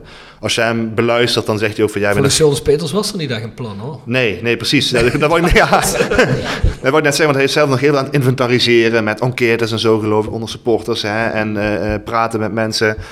Ja, en dat is, dat is een beetje het vangen aan de zaak. Je gunde misschien wel wat tijd, maar die tijd is er niet als je wil doorpakken. Ook omdat die drie, en misschien wel vier seizoenen, een soort kettingreactie van elkaar zouden moeten zijn. Je kunt niet zeggen van we doen dit jaar 20% minder en we gooien er komend jaar even 40% bovenop, lijkt me. Dat lijkt me een lastig verhaal. En wat betreft die, die technische post ook nog, hè, waar, we, het net over hadden. Um, het is natuurlijk ook niet slim om het niet in te vullen. Los van wie je er wil neerzetten en bij wie die wel of niet in de smaak valt. Um, roept het natuurlijk, en dat vind ik heel begrijpelijk, ook wantrouwen op. Dat, het feit dat je hem niet invult, zeg maar. Je kunt mm. altijd beter iemand er neerzetten waarvan dan wordt gezegd van ja, uh, dat is het niet. Dan, uh, uh, dan niet acteren, want dit roept wantrouwen op. En dat is denk ik... Kan ik bevestigen. Het, het slechtste wat je gedaan hebt, toch? Ja. ja, is echt zo. Ja. Hoe lang is René Tros nou weg? Op die, van die plek? Bijna een jaar, denk ik. Ja. Nee, langer dan een jaar. Ja, vlak voordat Van As vertrok, toch? Daarvoor, hè? Ja, ja, ja iets eerder nog, ja. Dus ja, een jaar. Rond een jaar, ja. ja. ja dat, maar je kan niemand vertellen dat je niemand vindt die geïnteresseerd is om uh, uit de voetbalwereld uh, plaats te nemen in een RWC van Roda. Dat kan mij niemand vertellen. Kijk, ik, ik Daar vind, ik helemaal niks van. Ik, ik vind het gewoon heel raar en dan wil ik niks op de man afspelen, helemaal niet. Maar ik vind het gewoon raar dat technisch beleid bij Roda nu eigenlijk compleet baseert op Jurgen Streppel. Dat is het technisch beleid van Roda. Als Jurgen zegt iets op technisch gebied, dan ligt dat helemaal aan. Er is niemand meer op RVC-gebied die er zit, die er iets mee doet. Er is geen technisch directeur meer. En ik vind het gewoon in elke structuur, vind ik het gewoon ongezond als er geen controle op zit van, van, van hoger. Zeker niet als het...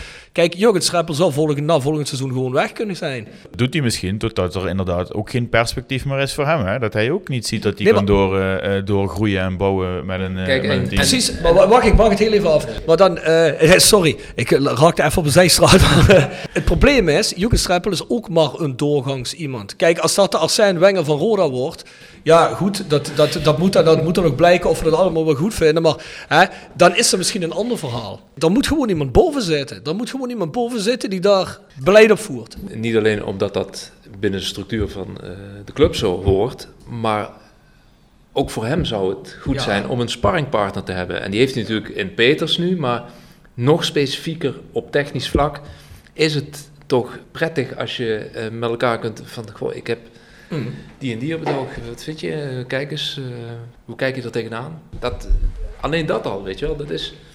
Dus die uh, clubleiding zou om hem, Streppel dus de soort van te ontlasten, zouden die die positie moeten gaan invullen, omdat je daarmee het technische beleid gewoon sterker maakt. Hij heeft bewezen dat hij uh, een elftal aan de praat kan krijgen, want hij heeft uh, daar een stijgende lijn in gekregen.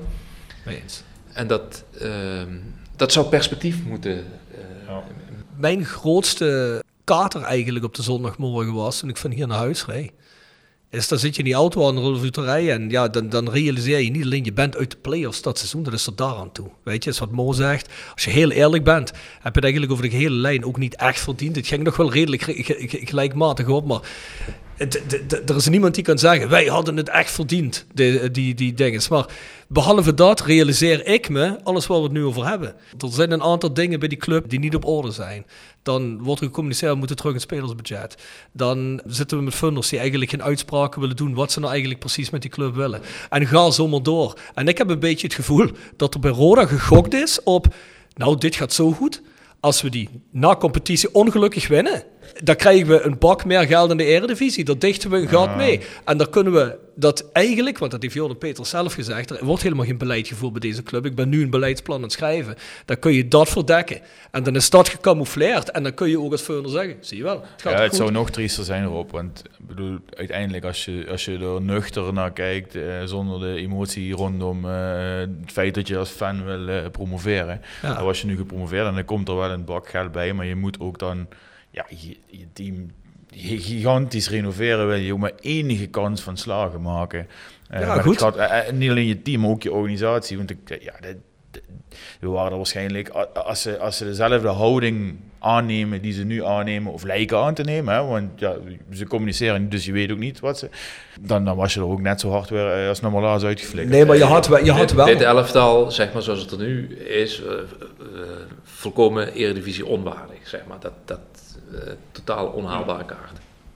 Als je onverhoopt had gepromoveerd. Nee, daar had wat bij gemoeten. Tuurlijk. Er had, er had van alles bij gemoeten, maar... ik vind het wel een ja. Maar dat, maar dat moet nu ook. Dat Nee, moet precies. nu ook om die stap te zetten. Want jij zei net, eh, eh, vertrouwen eh, in, die, in de goede afloop had je, hè, eh, eh, zei Maurice net. eh naar aanleiding van die eerste wedstrijd tegen Maar Excelsior. dat is meer de emotie. Ja, eh, eh, dat, dat, dat snap ik. Maar als je gewoon die wedstrijd nog een keer terug zou kijken, dan denk je eh, tussen de, eh, tussen de 2-1 zeg maar en de pakweg 75ste minuut in Rotterdam, hè, spelen ze het voetbal dat een beetje in de buurt komt van zoals ze het willen spelen. Maar ze kunnen het niet doorzetten. En dat was eigenlijk al. eh, kijk een beetje naar Sam, want die heeft echt alle wedstrijden van dichtbij gezien. Maar als je terug gaat kijken, Emmen uit, Den Bosch uit. Ja, eh, de de, de, de, de, de vele tegendoelpunten tegen eh. Helmond Sport, Telstar. Dan zie je het dat, alsof ze tegen een, eh, aan een plafond zitten. Of hebben gezeten. Ja, Ja, ja, dat En, Klopt dat, ook. en, en, en het gevoel wat jij hebt, wat jullie hebben na de thuiswedstrijd tegen Excelsior, daar zag je het ook eh, uit de vingers glippen. Na, na dat eerste half uur, eh, na die grote kans van Fluke. Ik had, ik had het gevoel dat ze zelf heel erg dachten. Dit gaan we alleen maar met een beetje geluk winnen. Als die fluke kans er niet in ging, dat inderdaad, dat er toch ergens iets mentaal. Weet ik niet, dat ze denken, weer, hoeveel kansen gaan we nog krijgen? Dat Excelsior is op zich een slecht team natuurlijk. maar het, zeiden ze in afloop zelf ook wel een beetje van... Wat jij toen trouwens ook al zei, hè, bij die gemiste penalty denk je... oké, dit kan een kantelpunt worden. Nou, dat werd het niet. Het werd voor mijn gevoel nog meer Excelsior. Die herpakte zich sneller en Roda kreeg de klap, leek het wel. Totaal andersom. Toen het daarna ook gewoon... eh, dat zij ook een overtuiging hadden van ja... Tenminste, Roddy de Boer zei dat geloof ik na de wedstrijd. Dat zij een gevoel kregen, ja, dan moet het maar via penalties. Ja, Het zegt alles. ja. Toch? Dus Op dat dat, moment zeiden ze dat. ja, zeg maar, na, na, na toen- 70 minuten. toen zij in de gaten hadden dat de penaltymomenten niet ging helpen, dan maar verlenging, dan maar penalties. Ja, dat geeft ook wel aan dat het geloof zelf ook wel een beetje weg is natuurlijk. En Ja, ja, natuurlijk. dat hebben jullie van de tribune zelf ook gezien, denk ik. Want dat ze het, helemaal kapot zaten na de Ja. 70 minuten. Dat, dat, niet meer vooruit te branden waren. Maar denk- denken jullie niet ook dat... Hè, dat kunnen mensen wel zeggen, dat moet je ook allemaal niet doen. Maar goed, die, die stemming wordt opgehyped. En ik vind dat ook ergens goed. Maar ik, heb het, ja, maar ik heb het gevoel, ik vind dat ook goed, maar ik heb het gevoel dat die jongens door alles zo bevangen zijn. Door die, die, die, die, ze worden ontvangen bij het stadion alsof ze al kampioen zijn. En ze- hè. Ik vind dat niet erg. Ik vind dat hoort erbij. Dat moet je net willen van Ja. een vereniging. Maar ik heb het- soms het gevoel dat die jongens echt lam geslagen zijn door zoiets. Dat ze dat helemaal niet aan kunnen, die spanning. Tenminste, een aantal van die jongens niet. En dan Ja, heb ik niet eens voor de Patrick Flukes en de Dylan. Ja, kijk wat met een eh Volendam gebeurt, die, eh, die eh, gewoon aan de leiding gaan en, en uiteindelijk eh, dreigen nog eh, eh, het niet te, te redden. Eh, we krijgen gewoon een volledige... Ja, wat is dat dan? Hè? Dat was, daar zit toch ergens iets waarin zo'n team, wat, iets- wat, er gaat iets spelen, waardoor ze, ik weet niet, het geloof er niet meer is of, of ze nou ja, ja, uiteindelijk, maar... Ja, maar, ja, maar dat, dat zeg je wel iets goeds. Kijk, en daar heeft Volendam iets wat Roda niet heeft. En dat is gewoon een bepaalde kwaliteit. Dat je op een, op een, op een punt daar wel, als, als dat geloof er even niet is of het loopt niet zoals je wil, dat ze op een bepaald level terugzakken. Waarbij ze misschien wedstrijden niet goed spelen. Wel daar, hier en daar de punten blijven pakken waar Roda ze niet pakt op kwaliteit. Omdat de kwaliteit er niet tot dat... Ze zakken minder door het ijs. Of in ieder geval, als ze door het ijs zakken, is dat niveau hoger als bij Roda. En dat ligt gewoon in spelersbudget en kwaliteit. Ja, ik wil net zeggen, volgens, volgens mij zijn dat ook gewoon keiharde centen uiteindelijk hoor. Want, want Volendam uh, heeft gewoon een spelersbudget dat ja, niet twee keer zo is als dat van Roda. Maar het komt misschien wel in de buurt van dat. En die hebben gewoon een breedte waar ze op kunnen terugvallen. En, en dat is misschien Tenminste, dat hoor je ook wel, wel links en rechts. Dat, dat dit bijvoorbeeld voor, voor Streppel niet heel een verrassing is hoe dit loopt. Want die ziet ook dat hij gewoon een groep heeft ja, die gewoon waar alles uitgevrongen wordt. En Tuurlijk. Um, die 14e, die 15e, die 16e uh, speler van een soortgelijk niveau om in te brengen, ja, die zie je niet. Om, om, om ze scherp te houden. Uh, als het dus even niet lekker gaat, uh, ja, ja, dan sta je er niet in. Dan speel je samen morgen.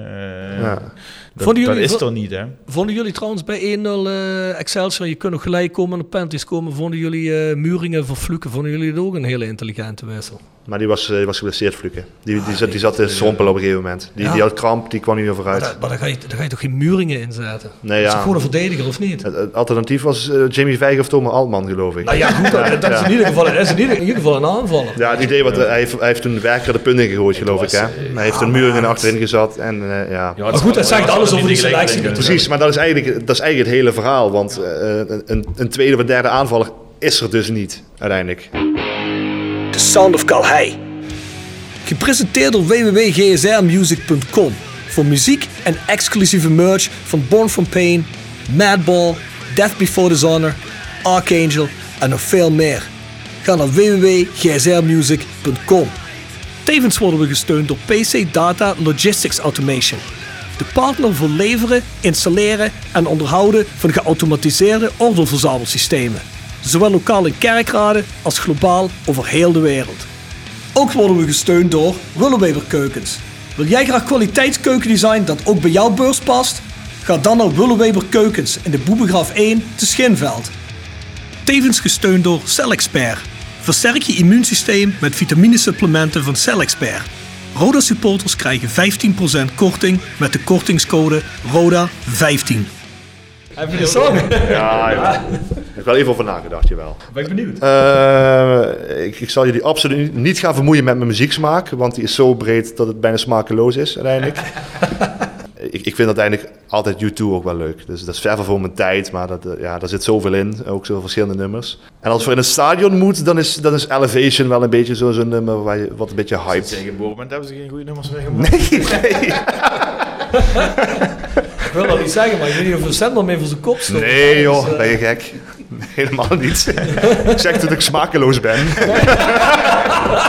nee, dat had hij een huisje op wielen of zo gezegd. ja, wel, een goed. Ja, Mo, Mo, en ik hebben die uitbus gezeten naar Excelsior. Ja. we, we, hebben een, we hebben elkaar een paar keer aangekeken en we dachten, uh, ja. maar ja, ze gaan het elke keer. Het is niet alsof we niet gewend zijn, maar uh, het blijft toch altijd weer bizar. Maar ja, goed, hey, iedereen zijn eigen ding. Ik denk dat deze wedstrijd, ik denk dat ik het voor mensen die er heel veel mee bezig zijn en niet alleen naar het sportieve kijken, dat je toch heel snel het gevoel krijgt van ja, en wat nu? Wat is volgend seizoen? Zeker omdat deze wedstrijd typerend was voor, voor dit seizoen. Daar zat, er zat leuk voetbal in. Mm. Hè? Niet genoeg, maar het was gewoon.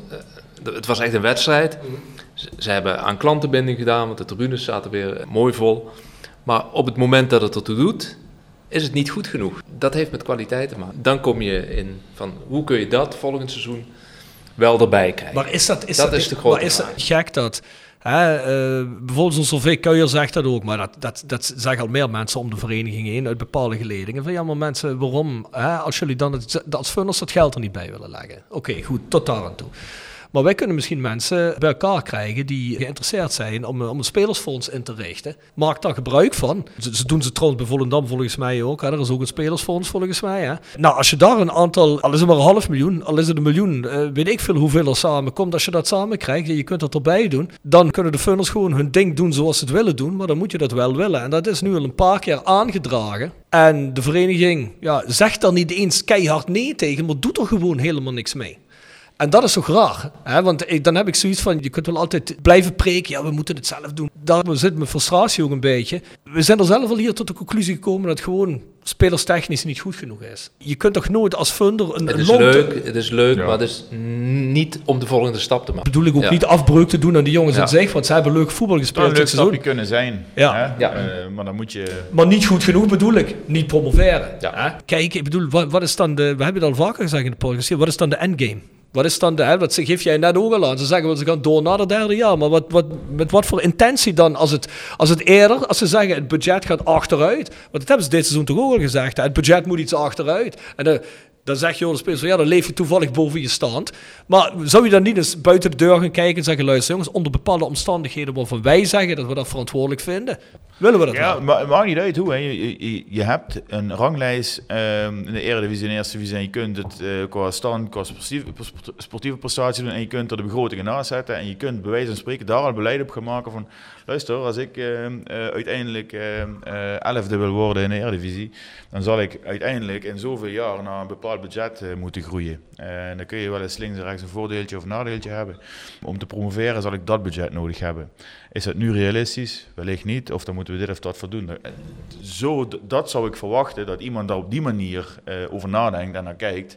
En daar een plan op maakt. Wat, ik, heb ik van commercie nodig? Wat heb ik van eh, whatever? Of wat heb ik een spelersfonds? Maakt niet uit wat. Maar op die manier zou je een redenering en een plan moeten in elkaar steken. Misschien is het toch, maar we hebben het nog niet gezien. Ik geloof niet dat het er is, want dan zou je het, neem ik aan, al lang eh, aan de buitenwereld verkondigd hebben. Nee, en dat is toch wel opvallend, want ja, je bent gewoon een bedrijf aan het runnen. Dat komt er nog eens bovenop. ja, dat is zo. Daar heb je gelijk in. Ja. Ik bedoel, Mo runt, eh, runt het bedrijf daar. Dus ja, Mo. Heb je Ja, ik, ik, Ik weet het niet, maar, eh, Ja, ik kan wel zeggen, ik ga het eh, volgend jaar met, eh, met 10 miljoen doen. Eh, maar dan ga ik geen 200 mensen eh, eh, kunnen betalen. Die je wel nodig hebt om de boel draaiende te Ja, houden. precies. Eh, ik roep maar eens een uh, zijstraat. Of, En om winst te maken, toch? Ja, precies. Dus het, het gaat niet... dat vind ik nou eigenlijk het bizarre. En dat begrijp ik er überhaupt niet aan. En daarom vraag ik me ook echt wat. Niet eens hè, met een of andere rare theorie erachter van. ah, die mensen willen meer macht in. Dat, dat, whatever. Maar ik begrijp het gewoon uit een business standpunt niet. Het begint al met te verkondigen. We willen waarde op het veld creëren. En daar moeten we ook winst uit halen. Nou, dat gaat met Patrick Fluke al helemaal fout. Dat is al de, de grootste asset die je hebt. En er wordt al niks mee gedaan. Goed, Allah, heb je misschien van geleerd. Geven ze nog wel fout gemaakt, fout gelopen. Oké, goed. Hè? Maar dan zeg je eigenlijk nu, nu je naar dit seizoen hebt gezien. Hè? Wat jij al heel terecht zegt. De laatste maand of de laatste vier thuiswedstrijden zitten er 10.000 man of meer. En je ziet dat de succes en de manier waarop je bezig bent, dat dat mensen aantrekt. Dus dan kun je wel zeggen van ja, volgend seizoen weer, hè, jongens. Eh, nee, die mensen willen eigenlijk een bepaalde garantie voor succes. Kun je ze niet geven, maar je kunt wel zeggen. Hey, we gaan het spelersbudget omhoog. We gaan nu jongens aantrekken, al namen communiceren. NAC is al namen aan het communiceren van spelers waarvan wij hopen, wow, het zou leuk zijn als hij bij ons komt spelen, weet je wel. Het zijn helemaal niet zo'n onhaalbare kaarten, weet je wel. Als je tenminste iemand hebt die daar iets meer in wil duwen. Want ik bedoel, NAC is ook maar een eerste divisieclub. Die heeft misschien wel een beetje hoger budget als Roda. Maar ik bedoel, dat ligt ook allemaal geen, geen 10, miljard, 10 miljoen uit elkaar. Hè? Dus, uh... Eh, Jij hebt nu over spelersfonds en dat kan je het ook over in jullie podcast. Ja, dat klopt. Eigenlijk doelde hij een beetje, want hij vertelde dat, als ik me niet vergis, eh, verbeter me vooral als, het, uh, als ik het verkeerd zeg. Eigenlijk had hij het over een moderne variant van de manier waarop Nol Hendricks werkt. Ja, ja, ja precies. Ja. En ik vermoed dat de huidige clubleiding dat toch te risicovol vindt. Misschien wel mede omdat ze niet zo in dat voetbaltechnische Precies. gedeelte zitten. En ja. Nol Hendricks, ja, die reed natuurlijk stad en land af op zoek naar uh, paradijsvogel. Kan in die zin ook niet meer zoals het ging, maar ja, als je nee, die kleine zijn, uh, hebt, als je dat op een andere manier inricht en je zorgt wel dat je die kennis en die database, whatever, hebt en je, en je, je, je vertrouwt op, op, op, op het feit dat je dat kunt borgen in je organisatie en dat je dus wel overwogen beslissingen en risico's kunt nemen. Maar natuurlijk zijn er altijd risico's aan, maar dan, dan heb je vijf uh, spelers waarvan er drie een succes zijn en twee niet.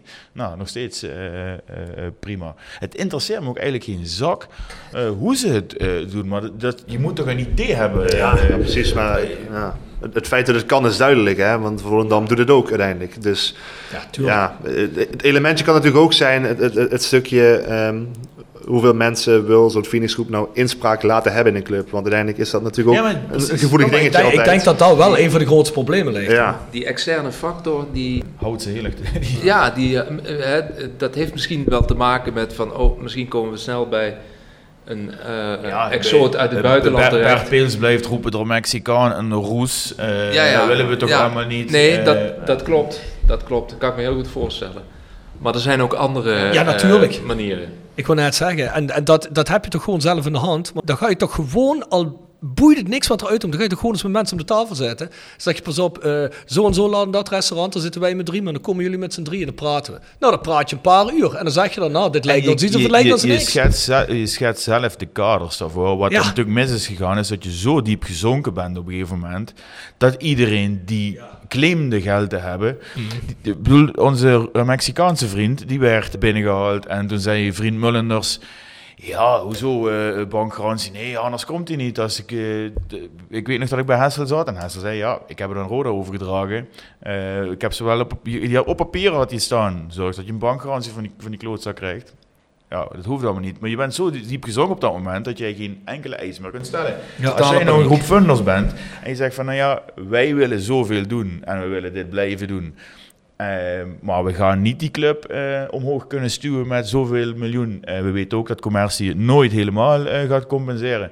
Dus er is een noodzaak voor een externe partij. Maar dat doen we wel binnen deze kaders van wat we aan macht uit handen geven, wat iemand wel en niet kan. Dan is dat misschien moeilijker zoeken, maar je biedt wel een gezonde club aan op de markt, waarbij zich dan iemand daarin kan vinden of niet. Maar dan, dan, dan zit je zelf in de driver's seat. Ja, precies. Jij, jij, zo, jij zover zijn ja. we niet geweest, want nu lag de, de, die, die club die moest weg. En dan kon iedere gek kon dat ding overnemen. Ja, ja jij, jij, ba- jij bakent gewoon je territorium af op de manier zoals jij het wil hebben. En wat ik niet begrijp, ze hadden in het begin van het seizoen hadden ze, hadden ze een perfecte compliance officer er zitten. Die had dat mooi op compliance allemaal kunnen checken. bij Die was lastig. Nee, maar ja, weet je wat het is? Ik weet wel, extern is ook niet extern. Dat zeggen jullie allebei al. Hè. Het hoeft niet een of ander vaag figuur te zijn. Het kan toch gewoon ook een echt een serieuze businesspartij zijn. Ik bedoel, het zijn hun toch ook. Ik bedoel, Roger O'Denius wil toch ook serieus genomen worden als flitshandelaar. Dan gaan ook de beeldse geruchten over hoe die mannen aan hun geld komen en hoe ze het allemaal doen. Hij- en hij of stapt- dat onethisch is of niet. Hij stapt in Roda in, eh, onder andere. Hij zet eh, eh, namen van de Dikke Mensenclub op, op het shirt. Weet ik wat hij allemaal voor een mooie initiatief op het shirt laat zetten. Omdat hij zelf een klote imago heeft met zijn bedrijf. Ja, precies. Met, Ja. met het Ah, flash trading. En dan kom je met zo... Jij wil de, de, de gokbedrijven willen niet op zijn mouw hebben staan, omdat het slecht voor ons imago is. En ja, fuck you. Er, wordt wel, er werd wel uitgenodigd. Er werd wel uitgenodigd voor een pokeravond bij Rode, zag ik laatst. Ja, precies. Ja, ja. Ja, ja, ja, ja, ja, ja, ja. Nee, maar dat is wel precies wat het is. En dat, dat is ineens iets tegen, tegen, tegen, hoe heet het ook, een flow traders, helemaal niks, whatever. Dat, daar heb ik helemaal geen oordeel over. Geen veel respect voor hem.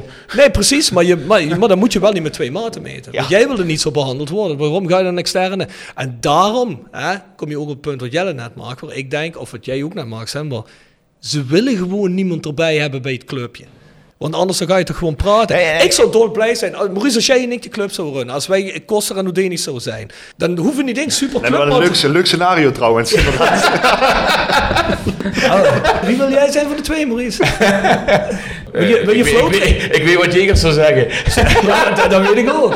Wat wil je? Wat wil je? Wil je, wil je flitsaandelen of wil je servers? Ja, flitsaandelen. Ja, ik ben ook meer de IT-man. Ik pak, de, ik pak voor de Stijn Koster op.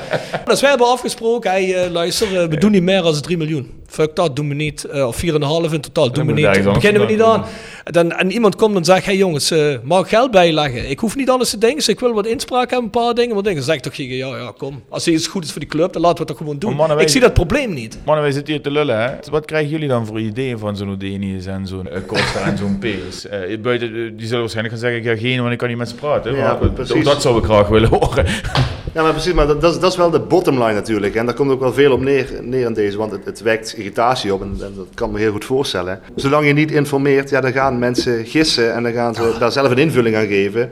En dat is logisch, want dat is de enige, de enige info die je, die, je, die, je, die je hebt in dat opzicht. En ja, ze zouden zichzelf er ook gewoon een dienst mee bewijzen door af en toe te communiceren. En dan snap ik wel dat je misschien ook uit, uit tactisch oogpunt niet alle kaarten op tafel wil gooien, daar is ook iets voor te zeggen. Maar er is ook een middenweg natuurlijk, Ja, hè, in dat opzicht. Het, het gaat ook helemaal niet om alle Op, op kaarten. hoofdlijnen zou je toch een Ja. plan moeten hebben. Hè? Eh, niet alleen een ambitiegroep, maar dat, dat- je kunt toch wel een richting aangeven waar je dan aan denkt. We willen het niet zo doen, dat is duidelijk. Hè? Dat, dat is prima. Ik heb daar helemaal geen... Nee, maar het onbereikbare, dat maakt het lastig.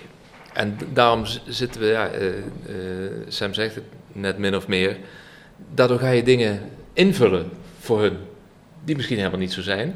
Ja. Probeer het logisch na te denken en dan kom je tot een, tot een plaatje waarvan je denkt van ja, dat is raar. Alleen dat zij niet naar buiten komen, dat blijft buitengewoon merkwaardig. Wij merken het niet alleen bij L1, maar eh, Jimmy Leenders bij de krant eh, merkt het. Geert-Jan Jacobs bij Voetbal International merkt het.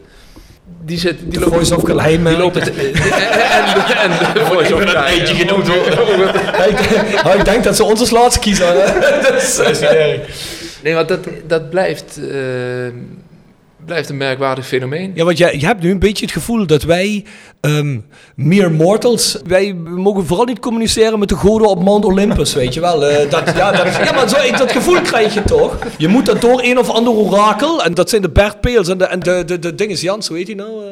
Onze vriend Joop. Joop Janssens, van deze wereld zou dat dan moeten denken. Maar ja, dan moet je ook eens op audiëntie raken om daar iets van te horen. Ja, ik vind dat raar. Dat is voor mij geen volksclub. Is- Dat is, dat is, dat is zo bizar allemaal. Ik begrijp dat gewoon Ja, terug te komen, denk ik dat je wat je, eh, wat je ook creëert, is dat, dat, dat, dat, dat vertrouwen of dat perspectief gaat dadelijk weg. En dat is je- net nu belangrijk. Nu moet je naar buiten komen. Vertellen welke kant wil je op. Welke kant kun je op.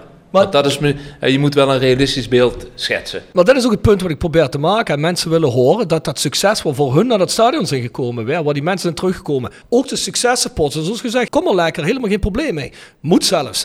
Maar als die mensen dadelijk alweer niks van ambitie merken. En dat er misschien weer succes aan de horizon is. En weer leuk voetbal aan de horizon is. Die mensen haken meteen weer af. Hier zitten bij de eerste wedstrijd van het eerste seizoen geen 15.000 man. Nee. Nee, zeker niet al lang, lang wat er in de zomer gebeurt. Of je moet een plan eh, uitleggen aan mensen. wanneer, Nou ja, de drie jaar is absoluut niet haalbaar. We, moeten, we hebben er zoveel tijd voor nodig. We gaan lang. Dat zullen sommige mensen, veel mensen niet leuk vinden. Maar gaandeweg, als je dat blijft doen en, eh, en, en blijft communiceren. En, en ook laat zien dat je die kleine stapjes die je dan denkt te, te, te kunnen maken, ook daadwerkelijk maakt. Dan creëer je daar weer een stuk vertrouwen door. Ja. En, en maar dat is er allemaal niet. En als je, als je dan volgend jaar elfde wordt, dan, dan ben je weer zoveel verloren wat je Ben je weer terug bij eh, af. pot- potentieel hebt Nee, want dan kom je weer op die, die aanhang die er altijd is, zeg maar. Dat redelijk selecte groep. En ik denk zelfs dat het dan nog veel erger is. Want dan zeggen mensen, ze hebben het een tijdje goed gedaan. En dan zeggen dan, dan zijn we wel bij af. En dan zijn ze weer teleurgesteld. Nog een keer. Ja, die- ik denk dat je gewoon steeds meer mensen verliest. Je moet nou gewoon doorpakken. We kunnen ophouden over het afgelopen seizoen. Want ik bedoel... Eh, nee, maar ik bedoel... Nee, Godverdomme Nee, nee, maar ik bedoel, we hebben toch al vastgesteld dat dit de ideale kans was geweest. We wisten dat Emmen een heel hoog budget had en dat dat waarschijnlijk niet ging lukken. Nou, dat is ook gebeurd, ze zijn kampioen geworden. Volendam zou moeilijk worden met spelersfonds wat ze hadden. Eigenlijk, Almere had ook iedereen gedacht dat dat moeilijk zou worden. Nou, gelukkig contacteerde die Gert-Jan Verbeek. Maar, maar, maar, maar daar, daarachter, hè, misschien Den Haag nog, maar daarachter hadden we onszelf toch wel als potentiële kans hebben gezien. Nou, als we misschien hier een paar goede spelers erbij krijgen, doe je zomaar een gooi naar directe promotie. Volgend jaar. Ja, jongens. Ik denk dat het dat precies de situatie is zoals die is. Je zit nu echt in de mix. Hè? En ehm, noem ze alle vijf, zes, zeven maar op die ploegen. NAC, Roda, Graafschap, Almere. eh, eh, dat kan eh, overal tussen drie en tien eindigen komend seizoen. Maar als je echt naar die top 2 wil, dan zul je niet eh, er een, een tonnetje bovenop moeten hebben. Maar dan moeten er twee, drie, vier ton echt bovenop. Om echt het, het onderscheid te kunnen maken. Meer, helaas. Ja, want nu, het, ik bedoel, tegelijkertijd, als je, als, als je ziet wat Eindhoven dit seizoen doet, ja, die komen wel verrekte dichtbij, bij die plek 2, uiteindelijk toch. Hè? Ehm, dus het kan altijd, maar dan is het toch nog altijd een soort van veredelde toevalstreffer. Als je Ja, dan, dat is uitzondering. als Het wordt wel even, misschien een positief punt. Het wordt wel een interessante competitie. Tenminste, als je kijkt naar stadions, mensen. Het wordt een eh, beetje een, eh, een, een Brabant League, wordt het, hè? langzaam maar zeker, toch? Ja, Ja, maar ik, ik heb geen zin om weer een heel seizoen naar Rode te gaan. En, met, en te denken van dit seizoen, we, we hebben ergens een kans en dan weer te merken, twee maanden voor het einde, dat er waarschijnlijk plaats 9 gaat worden. En dat we tot het laatste moment moeten vechten voor een playoff plek waar dan de eerste ronde uit ligt. Ik, Heel erg zwart. eh. nee, maar, nee, maar serieus, maar, maar dat is toch... Ik hoop heel anders. Maar als ik heel realistisch kijk naar hoe nu al Joris Peters zich uit, hoe je nu geluiden vanuit de club hoort, dan stemt dat niet echt gelukkig. Maar daar hebben we al de hele tijd over. Er is niemand die zegt van jongens, we gaan nu doorpakken. Nou, dit seizoen moeten we doorpakken. We hebben gezien dat het werkt. Het publiek komt terug. Als we het zakenleven willen binden, moeten we ook succesvol blijven. Nou, we gaan dat nu doen. Nu gooien we er een, een aantal ton, een half miljoen, weet ik veel, een miljoen. Het maakt me geen reden uit. Gooien we er tegenaan. Extern of intern of hoe dan maar ook. Maar in ieder geval, we gaan doorpakken zodat we dat allemaal kunnen vasthouden. De momentum kunnen vasthouden naar het nieuwe seizoen. Dat hoor ik niet. Ja, dat is wat me dit laat zeggen. Dat ik, ik heb ook geen zin alweer met een, een, een gebroken rode hart te staan op het eind van het seizoen. Want daar word ik, daar word ik ook langzamerhand gek van. Ik zeg net tegen Mo dat ik ergens ergens op de zondagmorgen blij was dat het voorbij was. Want, nee, maar, nee, want serieus. Ik stond op die tribune en er werd gefloten om te beginnen aan de verlenging. Ik merk dat ik dat lichamelijk helemaal niet... Ik vind dat niet meer prettig. Rob, je, Serieus, bent, zit- je bent er nu niet te vertellen dat je een afhaker wordt. Hè? Dat je, Ah, ik word helemaal geen afhaker, gek. Ik blijf, ik blijf, ik blijf mezelf kastijden, daar gaat het niet om. Maar ik zeg het tegen de jongens. Als ik nu in een restaurant had gezeten, met, met de tikker aan, dat was beter voor mijn hart geweest. Echt serieus. Een positief punt was, eh, wie gaat wel, eh, er komen wel wat echte clubs eh, eh, eh, bij elkaar. Ik moest een de- beetje de aan de, de tweede Bundesliga denken, waar, waar al die grote clubs opeens bij elkaar, ook zo'n top 9. Moet je, moet je eens vragen hoe goed dat is gegaan voor HSV al die jaren. Nee, niet. Nee, dat bedoel ik. Nee, nee, precies. En, en dan kom je, als je dat dan even dat lijntje naar, naar Roda trekt. Het is nu, eh, of het wordt nu, vijfde seizoen Ja. KKD. Ja, dan moet je toch zorgen dat je... Ja, ik weet niet of, of Sparta een keer zo'n lange periode heeft gehad dat ze weg waren. En Ja, NEC ook, hè? NEC, misschien net op tijd weer terug. Kijk, NEC, ja, dat is natuurlijk het verhaal. MVV. Oh nee, die komen niet en- terug. Nee, NEC is natuurlijk het verhaal waar wel geld in gepompt is door, eh, hoe heet onze vriend? Ja, Boekhoorn. Boekhoorn, ja. Dan wel met routiniers, hè? Met en Barretto. En heerlijk seizoen gedraaid. Of dat volg gaat krijgen, weet je natuurlijk nooit. Maar het is, toch, het is toch ook gewoon, ja, het, klinkt bizar en weet ik veel wat, maar het is toch ook gewoon een wet dat op die manier alleen maar... Zoveel kan je vertellen in drie podcasts, hoe Roda nog nooit, maar nog nooit zelfs op commercieel gebied de broek heeft kunnen hooghouden en de begrotingssluiting heeft kunnen houden.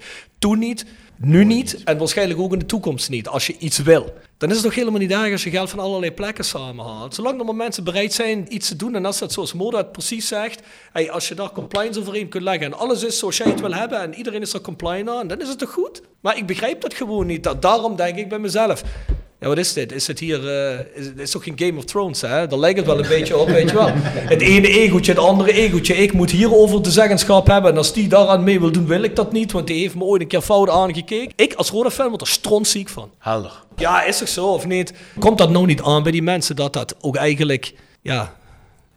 Oké, ehm Section Frietenboot. Section Frietenboot. Gepresenteerd door Herberg de Bernardeshoeve. Weekendje weg in eigen streek? Boek een appartementje en ga heerlijk eten met fantastisch uitzicht in het prachtige Mingersborg bij Marco van Hoogdalem en zijn vrouw Danny. www.bernardeshoeve.nl En Stokgrondverzet uit Simpelveld. Voor al uw graafwerk, van klein tot groot. Onze gravels staan voor u klaar. Tevens worden we gesteund door Wiert's Company. Ben je op zoek naar extra personeel? Bezoek het kantoor van Wiert's Company in het Parkstad Limburgstadion of ga naar www.wiert.com. Sam, ga je maar eens naar de frituur. Wacht even, wat gaan we wel even? Even een slokje water. Ja, gaan we wel doen. Sam, sectie frietenboet. Je weet hem wel, hè? Ja, ik ken mijn klassiekers, ja, zeker. Zowel in deze podcast als in de frietenboot. Dus, eh, Maar ja. dat, dat stemt gelukkig. Eh, ja, het is wel een hele saaie. Maar ja, ja ik bedoel, je, je hebt, er zoveel gehad, ik kan er geen nieuwe meer noemen, denk ik, hè? Langzaam maar zeker. Nou, eh, weet ik niet, maar de, de frikadel, de kroket en de, en de, en de berenklauw worden wel heel vaak genoemd. De Mexicano ook, geloof ik, hè? Mexicano, en dat is je favoriet, hè? Ja, ja, toch wel. Ja. Ah, kom, schrijven de Mexicano maakt verder niks uit. Ja, sorry voor de, voor de, voor de rant net, maar ja, het is, het is gewoon... Maar ja, kijk, je, je, ik, ik vraag me dan af wat het is, weet Ja. je wel. En ik denk dat iedereen zich dat op andere, allerlei andere emotionele niveaus hier ook afvraagt, maar het is raar. Het is in ieder geval een ehm, redelijk, redelijk ontnuchterende conclusie eh, die we eh, trekken. Ja, ik heb eigenlijk het gevoel dat je met deze uitschakeling veel dingen verloren zijn gegaan die je anders misschien, alhoewel ook verdekt, misschien had kunnen redden. Want ik, ik vind het heel belangrijk. Mo zegt dat goed. Tuurlijk klopt er van alles nog niet, ook al promoveer je. Zeker moet er, moet er dan ook nog van alles gebeuren. Maar je geeft wel mensen zoals een Maurice Kleuters en een Joris Peters een potentieel betere, ja, betere handvat om dit te laten lukken. En die, die krijgen ze nu niet.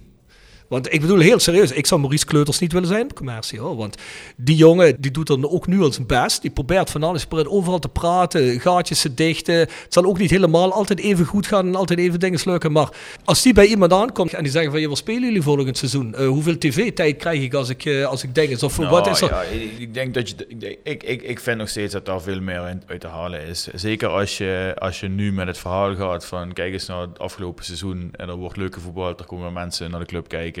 En dan zoek je ook sponsors op een ander niveau. En dan moet je eerst eens gaan zorgen dat MKB, wat is afgehaakt in, uh, in de Parkstad, uh, weer aanhaakt. Dat Ja, er ja, ook op de tribune, ja, op de. Noordtribune en in de businessclub en in die skyboxen weer het rode gevoel gaat komen. Dat, er, dat ze kunnen ahoeren met een, eh, met een oud speler, ook als ze eens een keer eh, weer in de laatste minuut verloren hebben.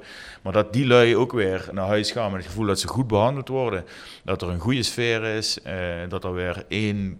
Daar moet je bij beginnen, bij, bij, bij, bij- bij dat soort sponsoren die weer eh, eh, terug te krijgen. Ik denk dat er nog heel veel potentieel in zit. En je ziet dat ook wel enigszins, dat mensen ook daar weer geneigd zijn om er... En die doen het nog veel meer vanuit een stuk emotie. Versus, ik moet er iets voor terugkrijgen, eh, commercieel gezien. Ja, die krijg je ook denk ik wel terug hè, als je dat goed benadert. Dat Precies. is wat je zelf al zegt. Dat zijn mensen die het emotie ooit weg zijn gebleven. Die krijg je ook de emotie weer terug. Dat Maar ik heb, het net over, ik heb het wel net over de mensen die het niet hebben. Die je eigenlijk alleen maar trekt met... Wat krijg ik dan? Of hoeveel exposure krijg ik dan? Trouwens, voor de ja, mensen die dat niet begrijpen, MKB is met een klein bedrijf. Dus, eh, Maar misschien moet je ze niet alleen met exposure over de streep kunnen trekken, maar ook met, want daar begint zo'n businessclub eigenlijk altijd mee, met wie je daar allemaal Ja. kunt ja, ja, ontmoeten. tuurlijk ook. Ja, ja. En dat, eh, ja, als dat, als dat leeg staat of zit, ja, dan is het minder interessant. Dus je moet, en als je klein begint bij dat MKB, bij al die mensen die van oudsher uit eh regio Grootparkstad, laat ik het zo maar even noemen, vroeger naar Kalheide gingen kijken, eh, naar Kalheide gingen om te kijken en in de laatste tien jaar regelmatig in het eh, PLS kwamen. Die moet je weer kietelen. en dat is, en dat, dat, is een flinke klus. ja. Dat geloof ik graag. Maar goed, mijn punt is... Had je de gok genomen, iets meer geïnvesteerd, die komt in de Eredivisie terecht, is ook dat weer iets gemakkelijker allemaal. Hè? Ja, ik denk dat het dan makkelijker is om een aantal grote partijen binnen te halen die gewoon puur zakelijk kijken van ik verbind me Ja. aan een club en ik krijg zoveel tv-minuten, dus ik sta zoveel op de boarding of op mijn shirtje. Eh, dan dat je eh, Jij zoekt meer naar het gevoel. naar het gevoel van die groep sponsoren die in potentie veel trouwer is. En misschien Ja, ja. minder inbrengt, maar met meer is. Eh, dat je die weer geactiveerd krijgt, dat je dat waakvlammetje weer kunt. Zeker, eh, maar wat spreekt er tegen allebei te kunnen doen? Zeker, zeker. Maar ja, je moet, je moet kijken wat, wat kan. En wat, wat heb je nu voor een toolkit als je naar die gasten toe gaat? Wat, Ja. wat, wat- op basis van wat ga je weer, eh, ga je die weer voor je winnen? Hmm. Eh, die komen weer leuk voetbal voor, voor het netwerk, want ze zien dat half kerkrade er, er rondhuppelt. Eh, ze zien dat eh, er weer oudspelers zijn, als ze dat regelen. Eh, dat soort, dat Ja, er lopen er dingen. wel een paar rond nu. ja. Eh, dat, dat is wel zo. Dat is, eh, Maar ja, het- ik bedoel, ik heb commercieel eh, er, er vrij weinig verstand van verder. Ehm, maar wat mij betreft, de grote vissen, daar is ook nog wel de lucht naar boven natuurlijk. Hè? Ik bedoel, rolerende shirtsponsors die dan iedere periode worden afgewisseld. Nou ja, dat kan één partij zijn. Het verhaal van het stadion, een stadionnaam die een keer verkocht zou worden. Ja, dat, dat, dat zijn ook plannen die natuurlijk ook al twee, drie jaar liggen. En waar per saldo nog altijd 0 euro mee is opgehaald op die vlakken. Precies. er is zeker nog genoeg lucht naar boven, dat klopt, ja. Mannen, wat, wat trekken we voor conclusie? Is die conclusie eerder heel negatief naar het volgende seizoen of is er toch nog iets positiefs? Positieve gevoel van dat er echt gewoon heel aardig gevoetbald is. Die stap, ik denk dat dat heel erg belangrijk is. Want uiteindelijk komen mensen omdat ze ehm, zien wat er gebeurt op het veld. Alleen de vraagtekens, ja, die hebben we de hele avond al geplaatst, die blijven hangen. En eh, feit is dat het elftal, de selectiesamenstelling zoals die nu is, niet goed genoeg is om de volgende stap te kunnen zetten. Dus daar moet iets gebeuren, wil je eh, mee kunnen doen. Serieus mee kunnen doen, zeg maar. En wat je, kijk, wat je dit seizoen zag, ze hikte een beetje aan tegen plek 3, zeg maar. Hè? Uiteindelijk kwam het erop aan en dan ging het weer een beetje naar beneden. Dus er werd zelfs even gesproken van plek 2, weet je wel. Toen Volendam veel minder was. Maar als je naar die, eh, kijk even naar Sam, als je naar die, naar die cijfers kijkt, naar onderlinge wedstrijden tegen die top 8. Ja. ADO gewonnen thuis. En dat was het, denk ik. Ja, ADO, ADO thuis en Eindhoven thuis. Maar dat was nog voordat Eindhoven echt, zeg maar, zo, eh, het echt zo goed deed.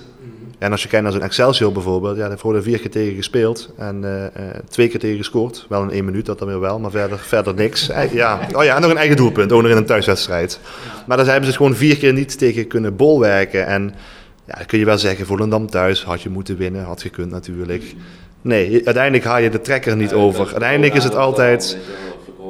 Je komt, je komt in de buurt, maar je, ehm, en er waren ook echt wedstrijden bij, zeker zo in het midden van het seizoen, waar, ze echt, waar ik ze echt heel goed vond spelen. Toen ik denk van ja, hier kun je vrij weinig op aanmerken, los van persoonlijke foutjes, wat altijd gebeurt, zeker in zo'n competitie. Ehm, maar uiteindelijk zag het dan toch weg naar ja, een beetje wisselvalligheid. En dan helpt die laatste maand ook een Ramadan niet, denk ik bijvoorbeeld. Hè? Op het moment dat je twee super creatieve jongens op het middenveld hebt en die allebei daardoor toch een beetje ja, eh, misschien uit de bocht vliegen of zichzelf overvragen. En, ja. Die kun je daardoor niet. eh, ieder moet doen wat hij wil, hè, trouwens. Maar ja, daar zit je ook wel met de breedte, maar dan eh, kom die je dus niet kunt, eh, Precies, ja. dan kom je dus op dat verhaal weer dat die selectie zo ontzettend smal is. Maar heel even dat, vinden jullie er eigenlijk van dat hij zo'n Benji Bouchouari eh, niet laat spelen op zo'n beslissende wedstrijd? Eigenlijk maar een helft, of nog niet eens een helft. Ik, ik, kan me er, ik kan me er wel iets bij voorstellen. In de zin van tot uh, de wedstrijden daarvoor tegen... was het natuurlijk wel midden in de Ramadan. Hè? Dus in de periode waarin het voor hem het zwaarst was om die wedstrijden goed te spelen. Uh, tegen Den Bosch uh, speelde hij geen goede wedstrijd. Wedstrijden daarvoor thuis ook geen goede indruk. Dus ik snap wel dat hij er niet voor koos om hem op te stellen. En zeker omdat Van den Berg wel kon. En dat is een creatieve jongen. En Van den Berg en Bouchouari dat was volgens mij voor Streppel uiteindelijk toch te veel van het goede, hè, wat je dan liet lopen in de ruimte op het middenveld. Maar dat je hem die hele heenwedstrijd niet brengt, dat vond ik wel vrij bijzonder. Het kwam misschien in de thuiswedstrijd ook nog een beetje geforceerd aan me over. Want Limbombe had er volgens mij geen moment rekening mee gehouden dat hij voor Bouchouari naar de kant kon gaan. Die was er redelijk, redelijk onthutst over. En we hebben dat, die, die modus ook het hele seizoen volgens mij bijna niet gezien. Bouchouari voor Limbombe en dan Emmers een beetje aan die rechterkant. Dus ja, dat, dat is wel een beetje de vraag hoe dat verder gaat natuurlijk. Ja, want je hoort toch geruchten dat, uh, dat er iets uh, niet helemaal lekker zat tussen die twee, hè, tussen Streppel en Bouchouari. Bouchouari is een hele trotse jongen, die, die, natuurlijk alles wil spelen, ook als het misschien wel even niet kan. Mm. Dat, die, hè, dat de trainer hem tegen, tegen zichzelf in bescherming neemt. Maar de keuze om uh, Bouchouari los van inderdaad dat hij in de wedstrijden, de laatste serie wedstrijden, niet in, of nauwelijks in actie kwam om, en ook niet heel gelukkig was om hem niet heel veel speelminuten te geven in, die uh, twee, in de tweeluik met Excelsior, vind ik wel verrassend. Ja, Ook omdat je ziet dat, uh, zeker in de heenwedstrijd zag je dat, dat Vossenbelt het bijvoorbeeld niet kon belopen. Mm. En dat werd al vrij snel duidelijk. En daar, en dat uh, vond ik wel opvallend, en volgens mij was het in beide wedstrijden wel zo, dat ze zeg maar, de slag op het middenveld eigenlijk wel verloren. En dat ook niet konden omdraaien. Dus ze konden, uh, gaan we heel tactisch, technisch praten, maar Nou, ik daar, vond kwamen het- ze, daar kwamen ze voortdurend eigenlijk een mannetje tekort. Ik vond had ik het idee. de wedstrijden voor de playoff wedstrijden ook al heel duidelijk dat ze de slag op het middenveld verloren. De problemen achterin begonnen vooral op het verdedigende middenveld. ja, want dat was, mening. dat was er bijna niet. Nee, ja, maar dat bedoel ik. En als je, dan, en, dan, nee, en als je dan ook twee backs hebt die tegelijkertijd mee eh, naar voren gaan, dan krijg je situaties zoals eh, tegen Excelsior uit, waarin alles open ligt. Ja, en zeker tegen Blues Excelsior had ik daar bijvoorbeeld voor een Jensen gekozen om hem op links te laten. eh, Ja, en het grappige daaraan is, is dat ze van tevoren natuurlijk wisten dat Excelsior, oneerbiedig gezegd, een counterploeg is. Mm. Wacht op een tegenstander die veel mensen eh, voor de ballen heeft. Daar zit natuurlijk wel ook, als je dan Bouchouari opzet en die legt, die legt ontzettend veel risico in zijn spel. Ja. Die, Dat is in, de en in de omschakeling kan natuurlijk ook een gevaar zijn. Hè? Ja, ik denk niet Ja, dat ja, hij... Hij eh, kan, hij kan hem ook de doorbraak eh, eh, geven in de creativiteit naar voren. Dat zou een reden kunnen zijn waarom ik kan voorstellen dat hij er niet mee begon. ja, dat, Nee. dat, Ah, dat maar je- goed. ja. Nee, maar op een gegeven moment zie je dat het, dat het niet draait dat het, Ja, en dat je ook iets moet gaan forceren. ja eens. Eh, met zo'n 2-0 achterstand. Kunt er ook twee kanten mee op, hè, dat opzicht. Eh, want die angst was niet geheel ten onrechte voor die counters van Excelsior. Hè, want volgens mij, tweede helft, iedere, iedere tegenaanval was, was levensgevaarlijk met, met Azarkan en, en Niemeyer. Maar je had natuurlijk ook voor de modus kunnen gaan, als je dan toch voor je gevoel niet veel te verliezen hebt eh, in die play-offs als nummer 5. Dus zeggen, nou, we gaan het heft in handen nemen en we gaan er bovenop klappen. En we trekken die wedstrijd voor ons, naar ons toe voordat Excelsior er een kans toe heeft. En dat bleef de eerste helft natuurlijk ook wel een beetje uit. En dat is wel de modus geweest tegen bijvoorbeeld... helemaal niet. Nee, precies. En dat is tegen ADO bijvoorbeeld wel gelukt in die thuiswedstrijd. Hè? Misschien wel de beste Ja, van het seizoen. Je beste mensen staan voorin. Dat mag duidelijk zijn dat dit seizoen. En dan heb ik zoiets, als jij een speler hebt die dat veel beter kan bedienen als alle andere spelers vanuit, vanuit het middenveld.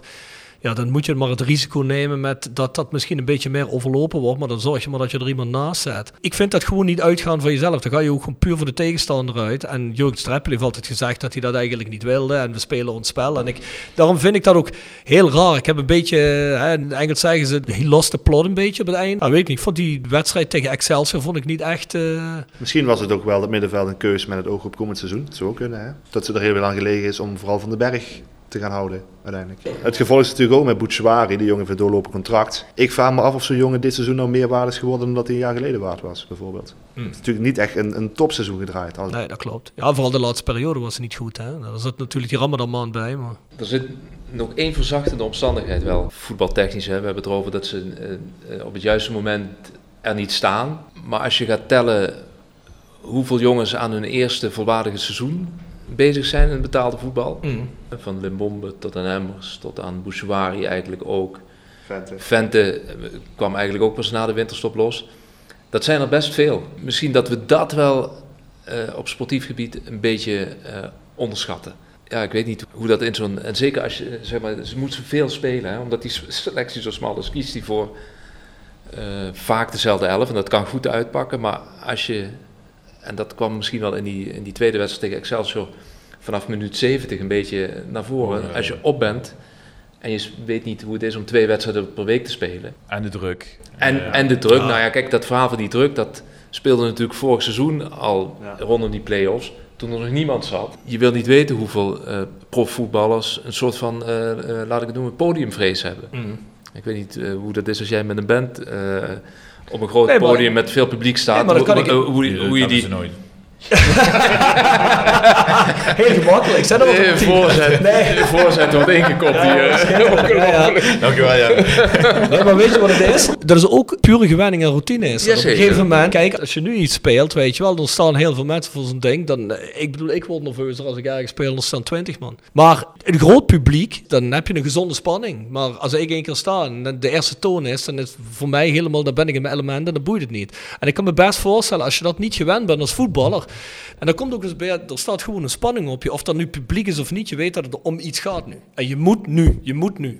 Ja, en ik denk dat dat, dat, dat komt wel bij kijken wat jij zegt, dat voor veel jongens het eerste volwaardige uh, seizoen is in de profvoetbal. Ja, dat is toch onervarenheid. Dus ik denk toch dat je, met alle respect, want ik vind Nick een topgozer. Maar ja, dat, dat, is dan wel routine, maar dat is niet de routine die je zoekt, denk ik. Kijk, qua kwaliteit. Terwijl die vlak voordat hij geblesseerd werd, uh, raakte, was bezig. toen was hij goed bezig. En had je ook het idee dat is een routinier die jonge jongens bij de hand neemt. En toen wel, ja. Na zijn blessure heeft hij het weer erg druk met zichzelf, zeg maar, om zelf in een soort van ritme te komen. Dan komen we terug op het punt, dat wil je dan van Roda horen. Jongens, wij weten waar het dit seizoen nog gelegen heeft. We weten waar het aan schort.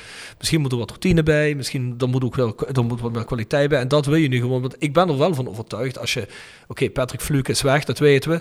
Maar als je de rest zo goed als samen kunt houden dan is er een team wat eigenlijk al anderhalf, twee jaar met elkaar is aan voetballen. En dan zeg ik niet dat elke positie daarvan moet blijven, maar als je die core samenhoudt, die weet hoe Strappel wil spelen, die kennen de lijnen van Strappel, et cetera. Als je een paar goede jongens bij zet, dan kun je best goede ogen gooien. Dat zie je dit seizoen al, hè, vind ik. Jullie zeggen het zelf al, je hebt misschien 11, 12, 13 spelers die echt basiswaardig zijn. Maar die jongens, gewoon ook puur door het spelsysteem, lukt het niet altijd, maar puur om, om dat die dat van vorig seizoen gewend waren, ga je wel opeens leuk voetbal spelen. Met ingestudeerde patronen en weet ik veel wat allemaal. Het verdienste van de trainer dat hij dat voor elkaar heeft gekregen. Ja, precies. Maar dan net wil je toch voortborduurd zien daarop. Ja, het wordt wel, wel een hele opgave natuurlijk ook. Hè? Want ik bedoel, er zijn volgens mij van acht of negen aflopende contracten. Hè? Waarvan zes jongens die ook regelmatig basis speelden. Mm -hmm. Nou, tel die alles eraf. Uh, dan, dan zou je er rekening mee kunnen houden dat van die voorste vier, voorste vijf er misschien twee, drie gaan vertrekken. Heb je al twaalf man... Denk je dat? Nou ja, dat zou kunnen. Ik bedoel, tel eens even Bouchouari. Hè, dat, dat, zeggen jullie net zelf al. Hè, dat zou een, een probleempje kunnen gaan worden.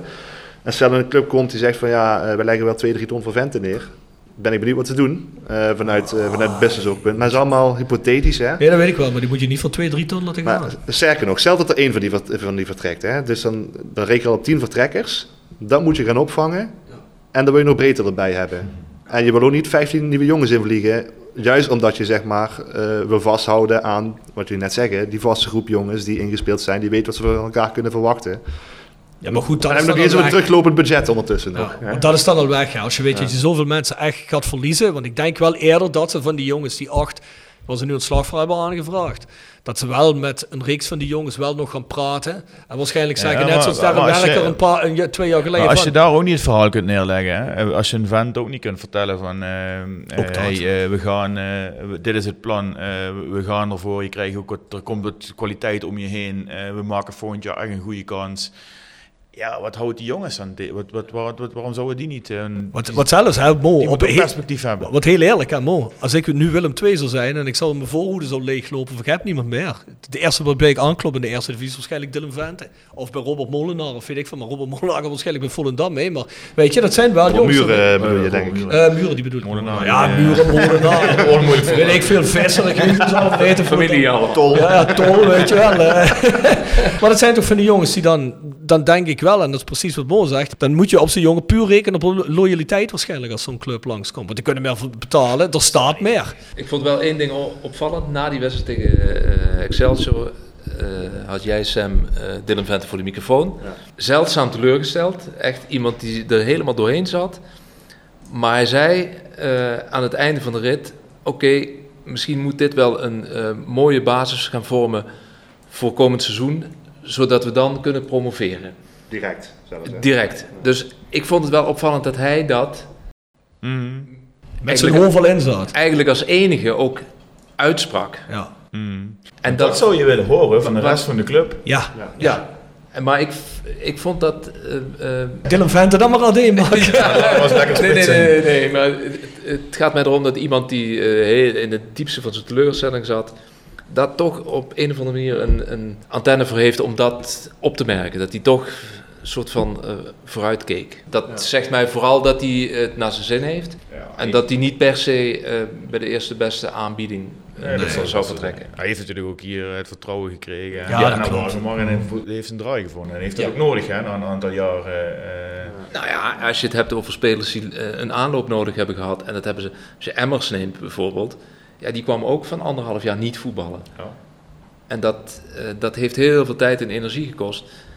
In de eerste competitiehelft van dit seizoen lagen er nog heel veel jongens na 70 minuten met kramp op het veld. Ja. Ah, weet je, ik, ik geloof er ook wel in. En, dat- dat- van Dylan Vente, en dat klopt ook allemaal wel. Maar hè, eh, en ik, ik, beste intenties 100%. Maar hè, als er iemand komt die zegt, make you an offer you can refuse. Het is Dat- blijf voetballen. Hè. Dat is, En blijven jongens die maar 12, 13 jaar hebben om alles bij elkaar te voetballen. dat is absoluut waar. Dat is absoluut Hè, waar. dus- Maar ja, dat, dat geldt natuurlijk ook voor die jongens die misschien van de contracten aflopen waarvan je zegt, ja, die wil je er misschien toch wel bijhouden. Hè? Noem maar even Marzo, Absalem, eh, Jensen. Hè? Ik kan geval vinden of je ze wil houden of niet, voor basis of niet. Dat zijn natuurlijk ook jongens, een aantal die op een leeftijd komen, ook Vossenbelt. Ja, als je nog een keer ergens naartoe kunt gaan, dan is het nu en niet meer over twee, drie jaar. Dus dat, eh, ja. Het schijnt trouwens wel dat, eh, los van wat Vente zei, dat ook eh, nog een aantal jongens in de kleedkamer ook woorden van soortgelijke strekking wel hebben gesproken. Daar was Strepper wel van onder de indruk. Eh, merkte wel aan hem, die was, ja, hij is niet zo emotioneel die man, maar je zag wel dat hem dat wel wat had gedaan. mhm. Emmers is een van die jongens. En je hoort ook wel over Emmers, eh, dat het ook wel een jongen is die wat tegen de drukbestand is, die daar redelijk no-nonsens in staat. Dus voor hetzelfde geld, ik bedoel, die jongen heeft nu al een hele serieuze bijdrage gehad, hè, 10 goals toch geloof ik. Dat kan ook zomaar je nieuwe fluke worden, bij wijze van spreken. Als karttrekker ook, hè, als, als, als een jongen die, die, die voorop gaat in de strijd, wat dat betreft. ja, Om positief te zijn daarin. Dat vind ik ook heel fijn.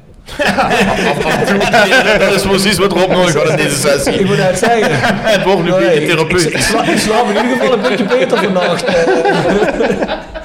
Maar het is toch wel weer een weekendje geweest? Ja. Maar ja, we gaan hem ook langzaam afsluiten. Ja, wil jij- wil nog iets kwijt, Nog één ding. We hebben het net over eh, eh, eh, aflopende contracten en de selectie moet breder. En waar, waar moet dat dan vandaan komen? Waar ik wel benieuwd naar ben, en daar heb ik eigenlijk te weinig zicht op. We zitten hier in die prachtige Bernardershoeve van Marco van Hoogdalem. Die is samen met Danny Volkers eh, met dat onder 21 elftal zijn die weer Ja. eens een keer gepromoveerd. Wat zou daar nou in zitten in dat elftal? Dat al is het maar een klein stapje kan maken om in ieder geval of aan te vullen of de concurrentiestrijd een beetje Mm. op te poken. Ah, Je jullie moeten bij alleen eens een keer Danny Volkers Je uitnodigen. zou hopen dat inderdaad dat je wat dat betreft ook een stukje kunt doorselecteren om daar de nummer Ja. eh, Hè, dat, 16 is natuurlijk niet, 17 eh, dat eh, is natuurlijk niet op het allerhoogste niveau voor onder 21 teams waar ze Nee, nee, op spelen eh, en waar ze naartoe gaan. Maar er zal toch wel ergens iets Nee, maar er zitten Ja. wel, zover ik weet, zitten er wel twee, drie jongens tussen. Waarvan hun wel zeggen: dit heeft echt wel potentieel. Zie je er om- niks van, Sam? Eh, die, wat- de trainer toch ook met het eerste mee, hè? Een paar van die gastjes. Nee, ja. De laatste weken niet. Nu Nee, de is precies. maar Dat, dat wordt die groep meestal zo, zo klein mogelijk gehouden. Maar nee, daar, daar heb ik eigenlijk nul zicht op inderdaad. Op Ik denk wel dat dat in de zomer gaat gebeuren. Dat daar, eh, zeg maar, in die voorbereidingsperiode, eh, dat ze gaan eh, kijken van, oké, er zijn er een aantal die daar misschien wel voor Hmm. in aanmerking komen. En die worden dan gewogen en of te licht bevonden. Of... Maar ja, uit zo'n groep die, eh, moet je iets, iets gaan halen. Dat, ik denk dat dat wel noodzaak is. Ja, onder andere, ja. Ja, als je dit beleid blijft voeren zoals het nu is, dan eh, wa- wat we vrezen, dan, ja, dan heb je geen andere optie, denk ik. Kogels terugkoppen. Gepresenteerd door Van Ooyen Glashandel. Sinds 1937 vervangen en repareren wij al uw glas met veel passie en toewijding. Met 24 uur service. www.vanooyen.com En Quick Consulting. Laat finance waarde toevoegen aan je organisatie.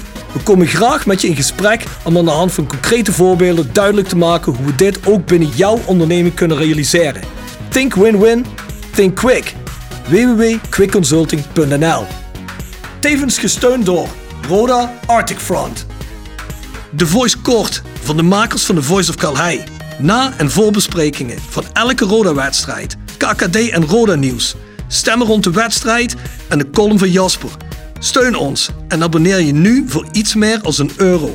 Op petje.af, schuine streep naar voren, The Voice of Calhei. Zeg het maar. Dat je bij alleen bent gewerkt, heb je spijt van. Iedere dag eh, word ik daar baden in het zweet wakker van, ja. Nee. Kun je schrijven? Ja, precies. Ze zoeken. Heb je iets of niet? Ja, ik betrapte me er zeg maar de laatste jaren er wel op dat ik altijd wel een soort van de journalistiek in heb willen gaan, maar dat nooit echt zo bewust geweten heb van mezelf. Dus ik heb ook niet een journalistieke vooropleiding gedaan van tevoren. Ik eh, ben bij netjes naar de universiteit geweest in Maastricht. Eh, met een studie die vrij weinig met journalistiek te maken had. Wat heb je gestudeerd dan? European Studies. Oké. Dus een beetje Europese integratie, een beetje recht, economie, van alles wat. Waar je wel een hele goede basis mee krijgt om, om stukken te leren schrijven en dingen te analyseren en zo, dat dan weer wel. Maar misschien tot een journalistieke vooropleiding, ja, dat je nog eerder dat, dat, dat, dat dit werk nog eerder was gaan waarderen dan dat ik het nu doe. Want ik vind het hartstikke leuk. Ehm, misschien dat je dat al iets eerder had kunnen opvangen. Wat Maar heb je voor ambitie in de journalistiek? Ja, Jelle, let op. Let opletten op dit moment. nee. Ik weet niet of jullie dit soort gesprekken Ja, weet je wat het is? We, we bekijken dat van wedstrijd tot wedstrijd natuurlijk. Eh, Als zo'n contract heb je. Dat is ook Nee. een idee van Roda trouwens. Nee, ja, ge- geen idee eigenlijk. Ik, ik, ja, ik heb vanuit mijn studie altijd wel ook veel met, eh, eh, met buitenlandse betrekkingen en zo wel veel gedaan. Dat lijkt me ook wel een keer leuk, maar dat is nog heel ver weg. Vind het op dit moment heel leuk om, eh, om dit allemaal te doen. Iedere week in een voetbalstadion, een beetje Formule 1 tussendoor. Dus weinig meer. Oh ja, dat doe je ook, hè? Heb ik Ja. gezien, ja. Al sturen ze je ook wel eens eh, naar verre orde. Ja, dat is iets verder weg dan Dordrecht meestal, zeg maar. Hè, die Dan ben je bij 1. elke Nee, eh, eh, Verstappen uitwedstrijd. Nee, nee, nee, nee, nee, nee, zeker niet. Nee, nee, nee. Nee, dat gaat wel gebeuren bij Zandvoort als het goed is en Spa misschien. Maar dat, eh, dat zijn nog wel wat operaties. En je kunt er als, als tv-bedrijf ook niet veel doen natuurlijk. Hè. Het is allemaal flink achter die... eh, Maar. Jelle stuurt jou niet eens even naar Abu Dhabi voor een finale van een Formule 1. En dat had gekund. Maar Jelle ging zelf.